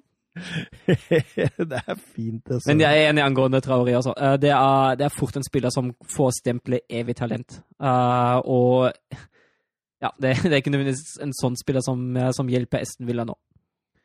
Helt enig, helt enig. Uh, rykter. uh, vinduet er jo fortsatt åpen noen uker til. Det betyr at vi kan sitte og gosse oss i masse deilige overgangsrykter. Eh, flere rykter nå, Søren, på at du kommer til å få deg en eh, pils av Mats Granvold, fordi eh, det virker som Manchester United begynner å se andre veier enn Jaden Sancho. Ja, jeg tror ikke de kommer noen vei. Uh, I så fall må de tilby en helt insane sum til at Dortmund sier ja til det. Altså. Uh, nå tror jeg ikke det holder med de 120 millioner euro som de ville ha i utgangspunktet heller. Nå må du uh, Og, og, og det, det gjør du ikke, vet du. Du Nei. hever ikke budet da. Nei, det gjør jeg ikke det. Eh, jeg, jeg ser ingen måte på Altså, han spilte jo fast start, og, og som jeg har sagt før, eh, den eneste måten eh, jeg kan se for meg at Dortmund går med, for, går med på det denne sommeren, er hvis han virkelig streiker seg vekk. Det er greit at han ønsker seg til United, men han ønsker seg ikke så sterkt til United at han, eh, at han ikke gidder å prestere for Dortmund. Og så lenge han presterer for klubben, har klubben ikke noe problem med å ha en spiller som kanskje helst vil spille et annet sted, men som også er sånn helt OK fornøyd med å spille i Dortmund. Eh, Ryktene tilsier også at, eh, at Manchester United er litt sånn shaky ovenfor dette nå, fordi hvis de venter én sesong, så, så meldes det at eh, Barcelona, Real Madrid og Liverpool vil være med på den overgangskarusellen, Martin. Ja, da er det jo bedre å bare bla opp nå, tenker jeg da. Ja, for du klarer jo ikke å få den hvis de klubbene setter i gang. Nei, så ja, Vi har jo snakka om det før, eller forrige gang jeg var med. at Da trodde vel alle vi Da var ikke Søren her, riktignok, men at uh, overgangen kom til å skje. Mm. Så jeg tenker at det er bare å bla opp 100 eller 120. Det er jo Samme av det, er det ikke det? De har så mye penger. Ja, det er, det, det er jo blitt sagt det, at det, liksom, det betyr ikke så mye for disse overgangssummene for Manchester United, fordi det er voldsomt mye penger. Altså, de merker knapt nå covid, liksom. Fordi det er så mye inn. Det er, det er jo en av ja, Er det verdens største klubb? Økonomisk, sikkert. Ja, jeg tror det er det. Så det, det, det er klart det at det Men, men. De tviholder på disse Glazer tviholder på disse punda sine, så da da, da går han vel til Real Madrid neste år, da. Ja, men United fikk i hvert fall van der Beek, da, som dere spådde nedenom og hjem. Uh... I hvert fall meg! I hvert fall meg! Jeg kaller det den nye Davy Clasen. Ja, han er jo i Werder Bremen, han. Ja, ja. Kos seg der. ja, så Donny van der Beek han havner i Werder Bremen om noen år, han, helt sikkert. Nei, jeg, jeg, har ikke noe tro på han, faktisk. Jeg tror at det, det blir for spett, altså. Han det, jeg, jeg skjønner det med motor og det med arbeidsinnsats og alt i tæl, og du kommer til alltid få 110 av han, men det gjør jo David Clasen òg. Han jobber jo alltid.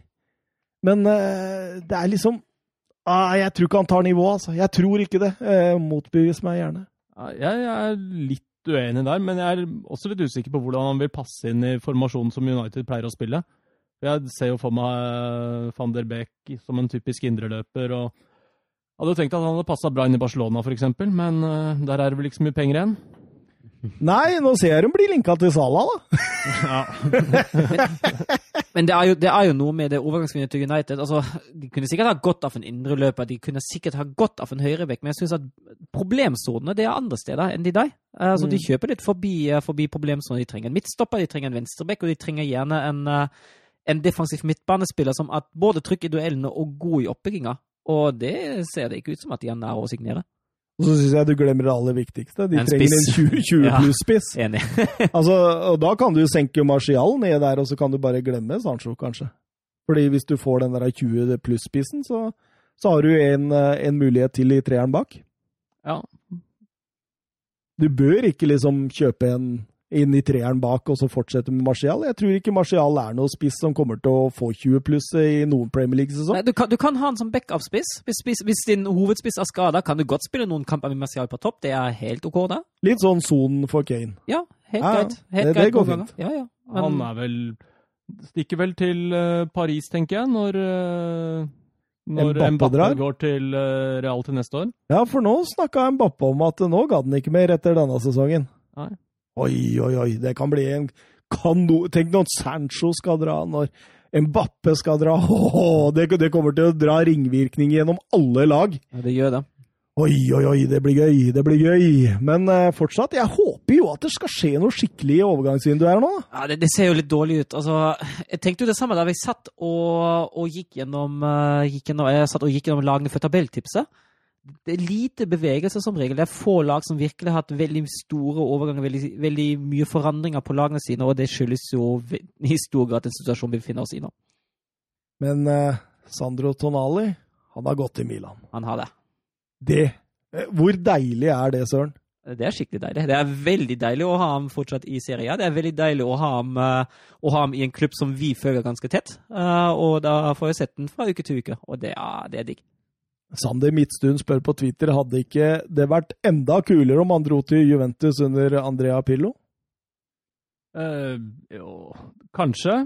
For det er jo blitt sagt at han er den nye Pillo, men eh, nå ser det ut som Juventus får Edin Cheko på 43 isteden, så Nei, fortsetter der. Det skal ikke skimse av Cheko, veit du. De er ikke den gamle dame for ingenting, ja. vet du. For her, her erstatter vi Stixie Boy med, med tyngre skyts. Ja, og det Altså, det, det, man må jo stille spørsmålstegn ved den, uh, ved den overgangsstrategien bare hente ferdige og eldre spillere. Um, for å svare på spørsmålet altså, Sånn rent fotballromantisk teknisk hadde det vært helt fantastisk å ha Tonali i, i, i Juventus. Uh, men jeg tenker jo egentlig at Milan er sånn rett sted for ham til å utvikle seg nå. Uh, hvis man tenker litt personlig utvikling. Uh, Uh, Pirlo er et litt mer usikkert kort som trener. Uh, Juventus har en litt større tropp, uh, klubb med høyere forventninger og vanskelig å få spilletid, så jeg syns egentlig at Milan er det rette steget for nå. Deilig, deilig, deilig. Regulon, linka til Tottenham og Manchester United. Begge de to trenger en venstreback. Ikke Tottenham, de har jo Ben Davies. De har jo ja, Det er så mye morsomt vi skulle ha det på Tottenhams vegne nå!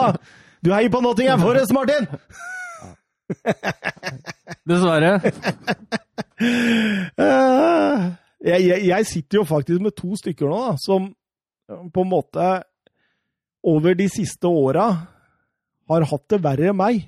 Og det, det er veldig sjeldent jeg gjør det. Fordi stort sett er Tottenham de som har Altså, kompisene med Liverpool, Manchester United, ikke sant? Altså, hvis, hvis, hvis, du tar med, hvis du tar med 2017 og 2018, skal jeg være enig, for det var kvalik og dritt. Men etter 2018 fikk seg Wolfsburg jo en, eh, en god oppsving. Og sjette- og syvendeplass er jo helt Ja, ja, men nå er det jo første gang Tottenham har havna utafor topp fire på Ja, fem-seks år, da. Ja. Og Wolfsburg vant vel uh, Ligaen, var det 2009? 2009? Ja, Ja, og med- cupen i 2015. Ja, med Tsjeko i 2009 mm. og Oi, oi, oi. Og Bentner Ja, uh, Ben- seg. Avgjorde ikke han cupfinalen, da? Det Bent, nei, Bentner avgjorde, avgjorde supercupfinalen mot Bayern eh, i Supercupen. 2015. Ja. Okay. Tenk det, ja. Bentner og Max Krose på topp. Jeg husker, jeg husker veldig godt jeg husker veldig godt en kamp jeg satt den på, jeg så den på en pub, og så ble jeg illsint da Bentner kom inn, og så skårer han på overtid og setter det avgjørende straffesparket i, i straffekonken.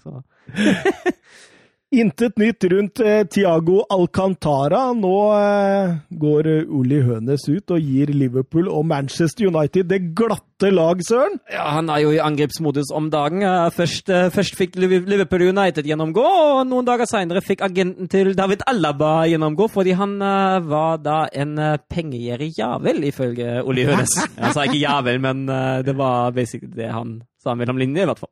Ja, og Liverpool og, og eh, Manchester United de får jo beskjed om at de tar ikke kontakt med klubb, de tar kun kontakt med spiller. Eh, De var enige med Tiago om en ny fireårskontrakt, og noen dager etterpå så sa han jeg trenger nye utfordringer.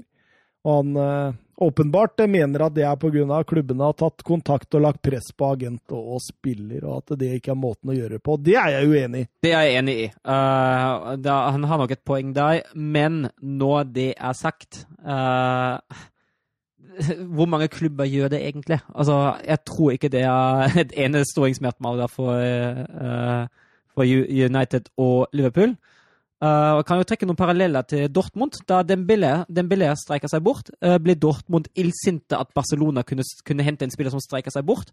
Men de hentet Dembélé sjøl da han streika seg bort fra sin spanske, eh, franske klubb. Så det, Dobbeltmoralen Ja, det- lenge det det er sånn- internasjonal toppfotball. altså. det er litt sånn, altså.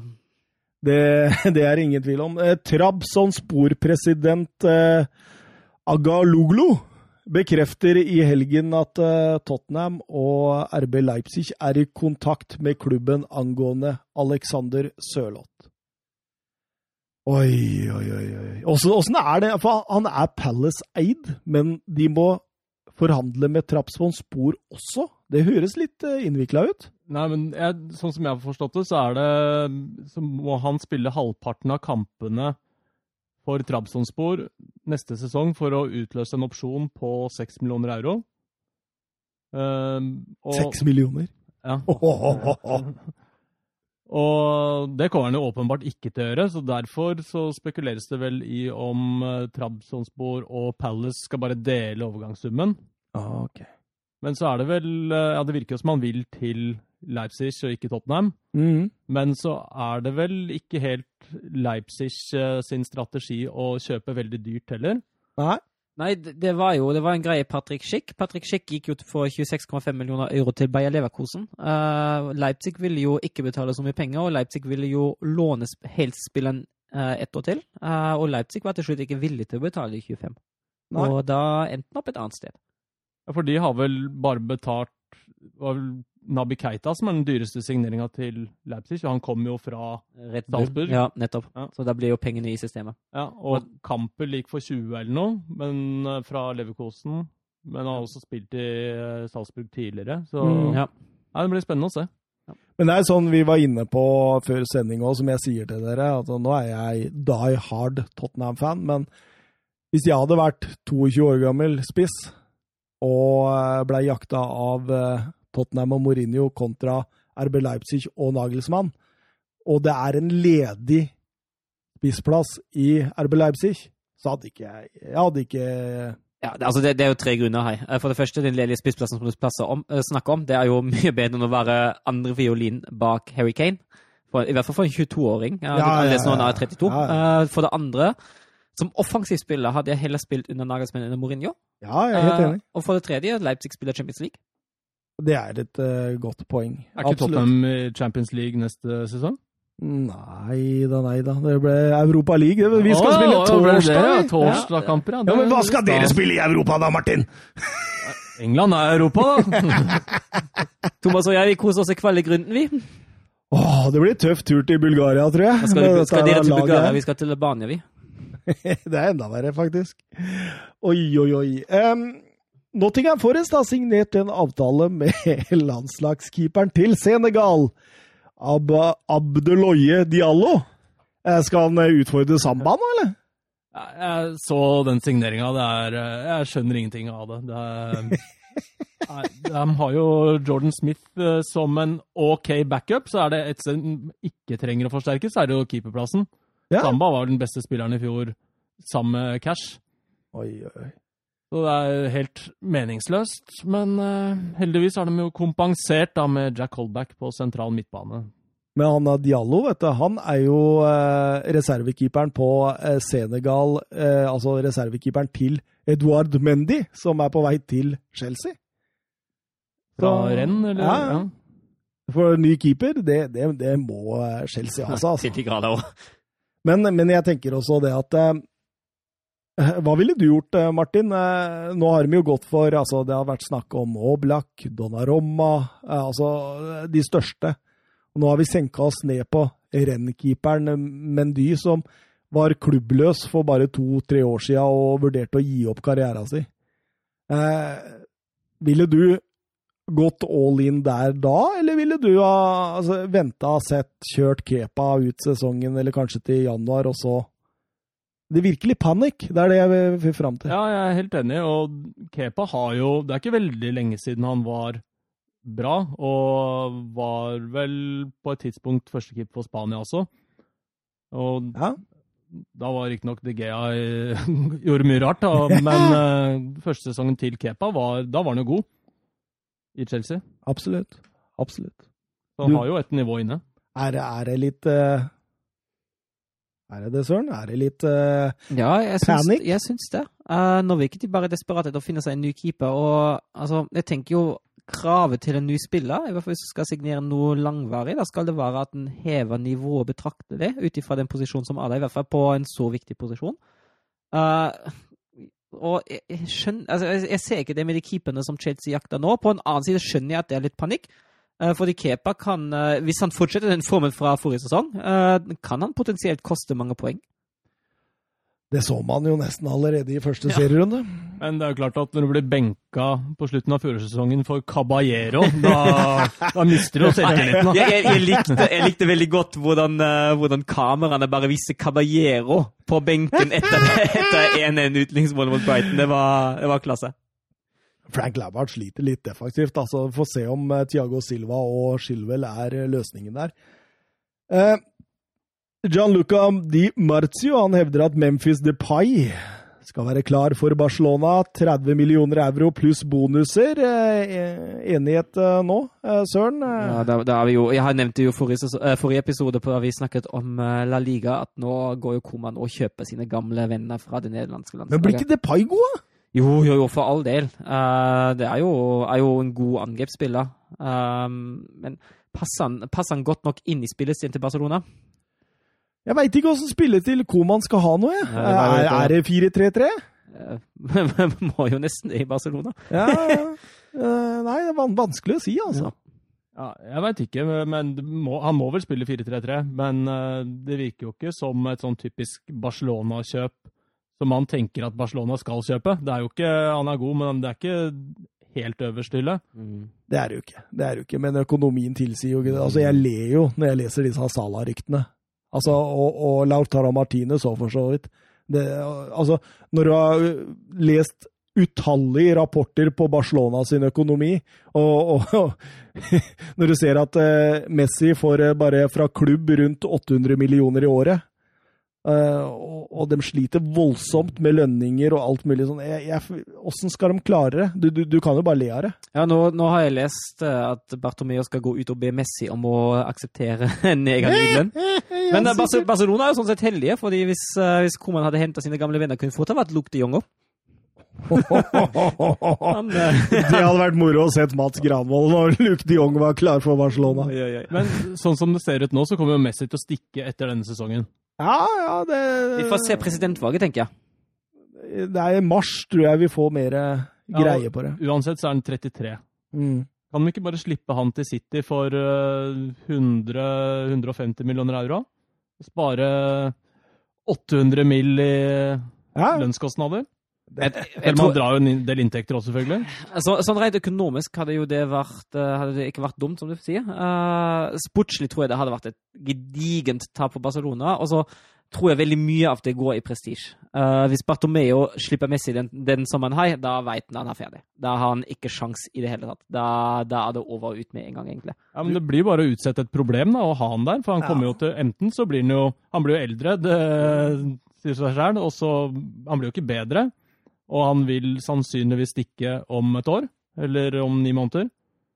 Mats har jo vært lenge inne på det. Hva skjer med livet etter Messi? Han, eh, han har vel sittet i noen minutter, eller noen timer kanskje, i denne podkasten og undra seg over det. Ja, For det var jo sånn Real Madrid gjorde for to år siden med Ronaldo. Ja, men de var liksom bare sånn OK, greit. Vi, vi, vi må finne på noe annet. Han har jo ikke vært i klubben siden han var 14 og fått sprøyter. Nei, det er litt annerledes. Men samtidig like stor impact på laget, altså. Ja. Oi, oi, oi. Nei, det blir spennende å se. Det, blir spennende. Det, det er mange klubber det blir spennende å se framover nå, altså. Eh, Valencia, hva skjer der? Milan med Brahim Diaz og Tonali, og det blir gøy. Det blir gøy å se Andrea Pirlos Juventus. Og Haaland i Dortmund, og hvordan vil dette maskineriet til Bayern München eh, dra på seg videre? Eh, Chelsea, ikke minst, med alle disse stjernene. Det det er mye morsomt. Jeg er egentlig veldig spent også på Leipzig og Mönchenglattbach. Uh, hvordan Leipzig klarer å fange opp Werner, hvordan Nagelsmann klarer å utvikle laget videre, og om Marco Rose klarer å fortsette den gode utviklingen han har tatt med Mönchenglattbach. Så jeg syns egentlig hele topp fire i Tyskland blir ekstremt spennende. Og Inter, ikke minst, Ja. med Conte. Ja, ja, ja. Andre sesongen blir spennende, det òg. Nå skal de få Vidal. Vidal, ja. Han er i Milano, eller var i Milano i dag for eh, medical, etter rapportene. Mye han. Hva var det det sto av? Eh, Det det er ikke store greiene, altså. Kan ikke være det. Nei, det er ikke store greiene. Han blir nesten og Conte, han elsker jo litt sånne aldrende helter på vei ned i solnedgangen. Ja, Men det gjør vel alle italienske managere, ikke det? Men det er ikke for ingenting vi har kalt eh, Serie A for Premier Leagues eh, gravlund. Er det ikke det vi har gjort? altså? Vi har gjort det, og med god grunn. Apropos eh, Premier Leagues gravlund. Roma fortsetter jo fortsatt å forhandle med Manchester United angående Chris Smalling. Eh, 11 millioner euro skal være det magiske nummeret for å, å lure Serie A's Virgil van Dijk til, eh, til Serie A, ifølge Gazzetta la Sport. Det blir spennende å se om Smalling tar et nytt år. Ja, jeg, jeg, jeg tror jo egentlig man skal være i stand til å bli enig da. Jeg ser ikke for meg at Smalling har særlig stor framtid i United. Roma vil egentlig ha med. Jeg kan også se for meg at eh, Smalling helst vil være i Roma, og til slutt sitter United på en spiller som koster lønn som de ikke kan bruke. Så jeg, jeg, jeg tror de klarer å bli enige. Jeg tror ikke det blir 11 millioner euro, men jeg tror nok de klarer å bli enige på et sted. Det er dårlig forhandla hvis du henter han for 11. Men uh, det er ikke så gærent heller, er det da? Han har jo vært god i Roma. Ja da, jo, for all del. Men det er fortsatt Chris Smalling. Phil Jones kunne fått med på kjøpet, kanskje. kanskje får, hvis, de, hvis de tar med Phil Jones, så kanskje de får den for sju! ja, det hadde jeg gjort, altså. La- Latt heller Phil Jones eh, blande drikke og sånn. Phil Jones skal til Tottenham, han. Trebekslinje med Dyer og Toby der. Åh, det hørtes deilig ut. Em, har vi noe mer, da? Paris Saint-Germain og City. Jeg har fått beskjed at Napoli at eh, dere har ut uken på å hente Kolobali. Eh, gir dere ikke det vi vil ha for den, så tar vi den ut av markedet. Ja, men De har jo prøvd å selge Kolobali i eh, ganske mange år nå, Ja. og det er ingen som har plukka han opp. Han kommer jo ikke til å gå nå heller. Nei, det, det, det ser ikke sånn ut i hvert fall. Det, jeg syns jo han er god, han, ut fra det jeg har sett, men han er jo ikke den mest eh, stabile stopperen i verden, han heller. Nei, men, men han er veldig sånn impact-spiller, da. Veldig sånn der, altså, du, du ser han er på laget, og han kan dra laget med seg, og er ekstremt duellsterk. og altså, Det vil være en forsterkning til både, ja, både City og Paris Saint-Germain, sånn det er nå. Ja, jeg tror fortsatt det er ingen som blar opp uh... Er det 900 det har vært snakk om, er det ikke? Ja, det er vel noe sånn, men det har jo også vært snakk om eller fra 70 til 90 millioner euro, vel, som jeg har sett. Nei, 29. 29. Ja, 29, og han ble ikke plukka opp da han var 26 eller eh, 27 heller, så jeg er rimelig sikker på at han blir. Hvis eh, de ikke dumper prisen på ham. Ja. ja. Og Leipzig, de er ute etter Callum Hudson og Doy, Søren. Det var spennende. Ja, de skal jo de skal gjerne ha en spiss og en kant til. Uh, så det er ikke overraskende, kanskje. Passer jo godt inn i den spillestilen der. Bayern München òg uh, har spurt om å få låne med opsjon, men det har vel uh, Chelsea vært litt mugne til. Ja, forstår du nok. Hvis de kan eh, Altså, for Chelsea er det jo enten å beholde den eller selge den, tenker jeg. Ja Begynner vi å nærme oss ferdig, eller? Jeg ser eh, fire drukne pils her og, og en eh, battery. Da veit du hvem som skal kjøre, for å si det sånn! Ja, det blir vel deg, det. Det blir meg. Det blir meg. Uh, det var veldig hyggelig å ha dere her. I like måte. Det var hyggelig å være her. Ja, litt, uh, litt kjedelig uten Mats. Ja, det var litt kjedelig uten Mats, men uh, var en eh, OK minus erstatning denne gangen, var det ikke det? Jo, jeg, jeg digger å ha deg med. Jeg, jeg, min store drøm, da, som jeg snakka om med Søren nå, det er at vi fyller alle fire mikrofonene snart. Det hadde vært veldig gøy. Det hadde vært helt fantastisk. Du har ikke veldig store drømmer da, Thomas? Du, jeg lever og ånder for denne podkasten. Den er så deilig. Ja, godt å høre. Ja, ja. Nei, men skal vi eh, Skal vi si at eh, det, dette var det? Det var det. Eh, På gjensyn. eh, Hyggelig at dere hang med oss helt hit. Tror jeg mange som gjør det. Elleve? Kanskje en del? 11. 12. Nei. Det er vel, Hvor mange lyttere er det? Det er vel sånn 120 000, er det ikke det? Så kanskje halvparten av dette fra til 60-70, da? Ja, vi, vi fikk jo en god del når eh, fotballuka gikk over til Podme. Så der er Det kan godt hende det er noen av de 120 000. Jeg er litt usikker. Ja. Men vi får se. vi får se. Eh, Vi er i hvert fall en voksende og eh, deilig podkast. Det syns vi i hvert fall veldig godt sjøl. Ja, det er jo hyggelig. Ja, ja, vi må i hvert fall ha troa på oss sjøl. Det er viktig, det. Ja, ja, ja. Nei, ikke noe mer dritt. Vi snakkes. Halleluja. Ha det bra. Ha det. Ha det.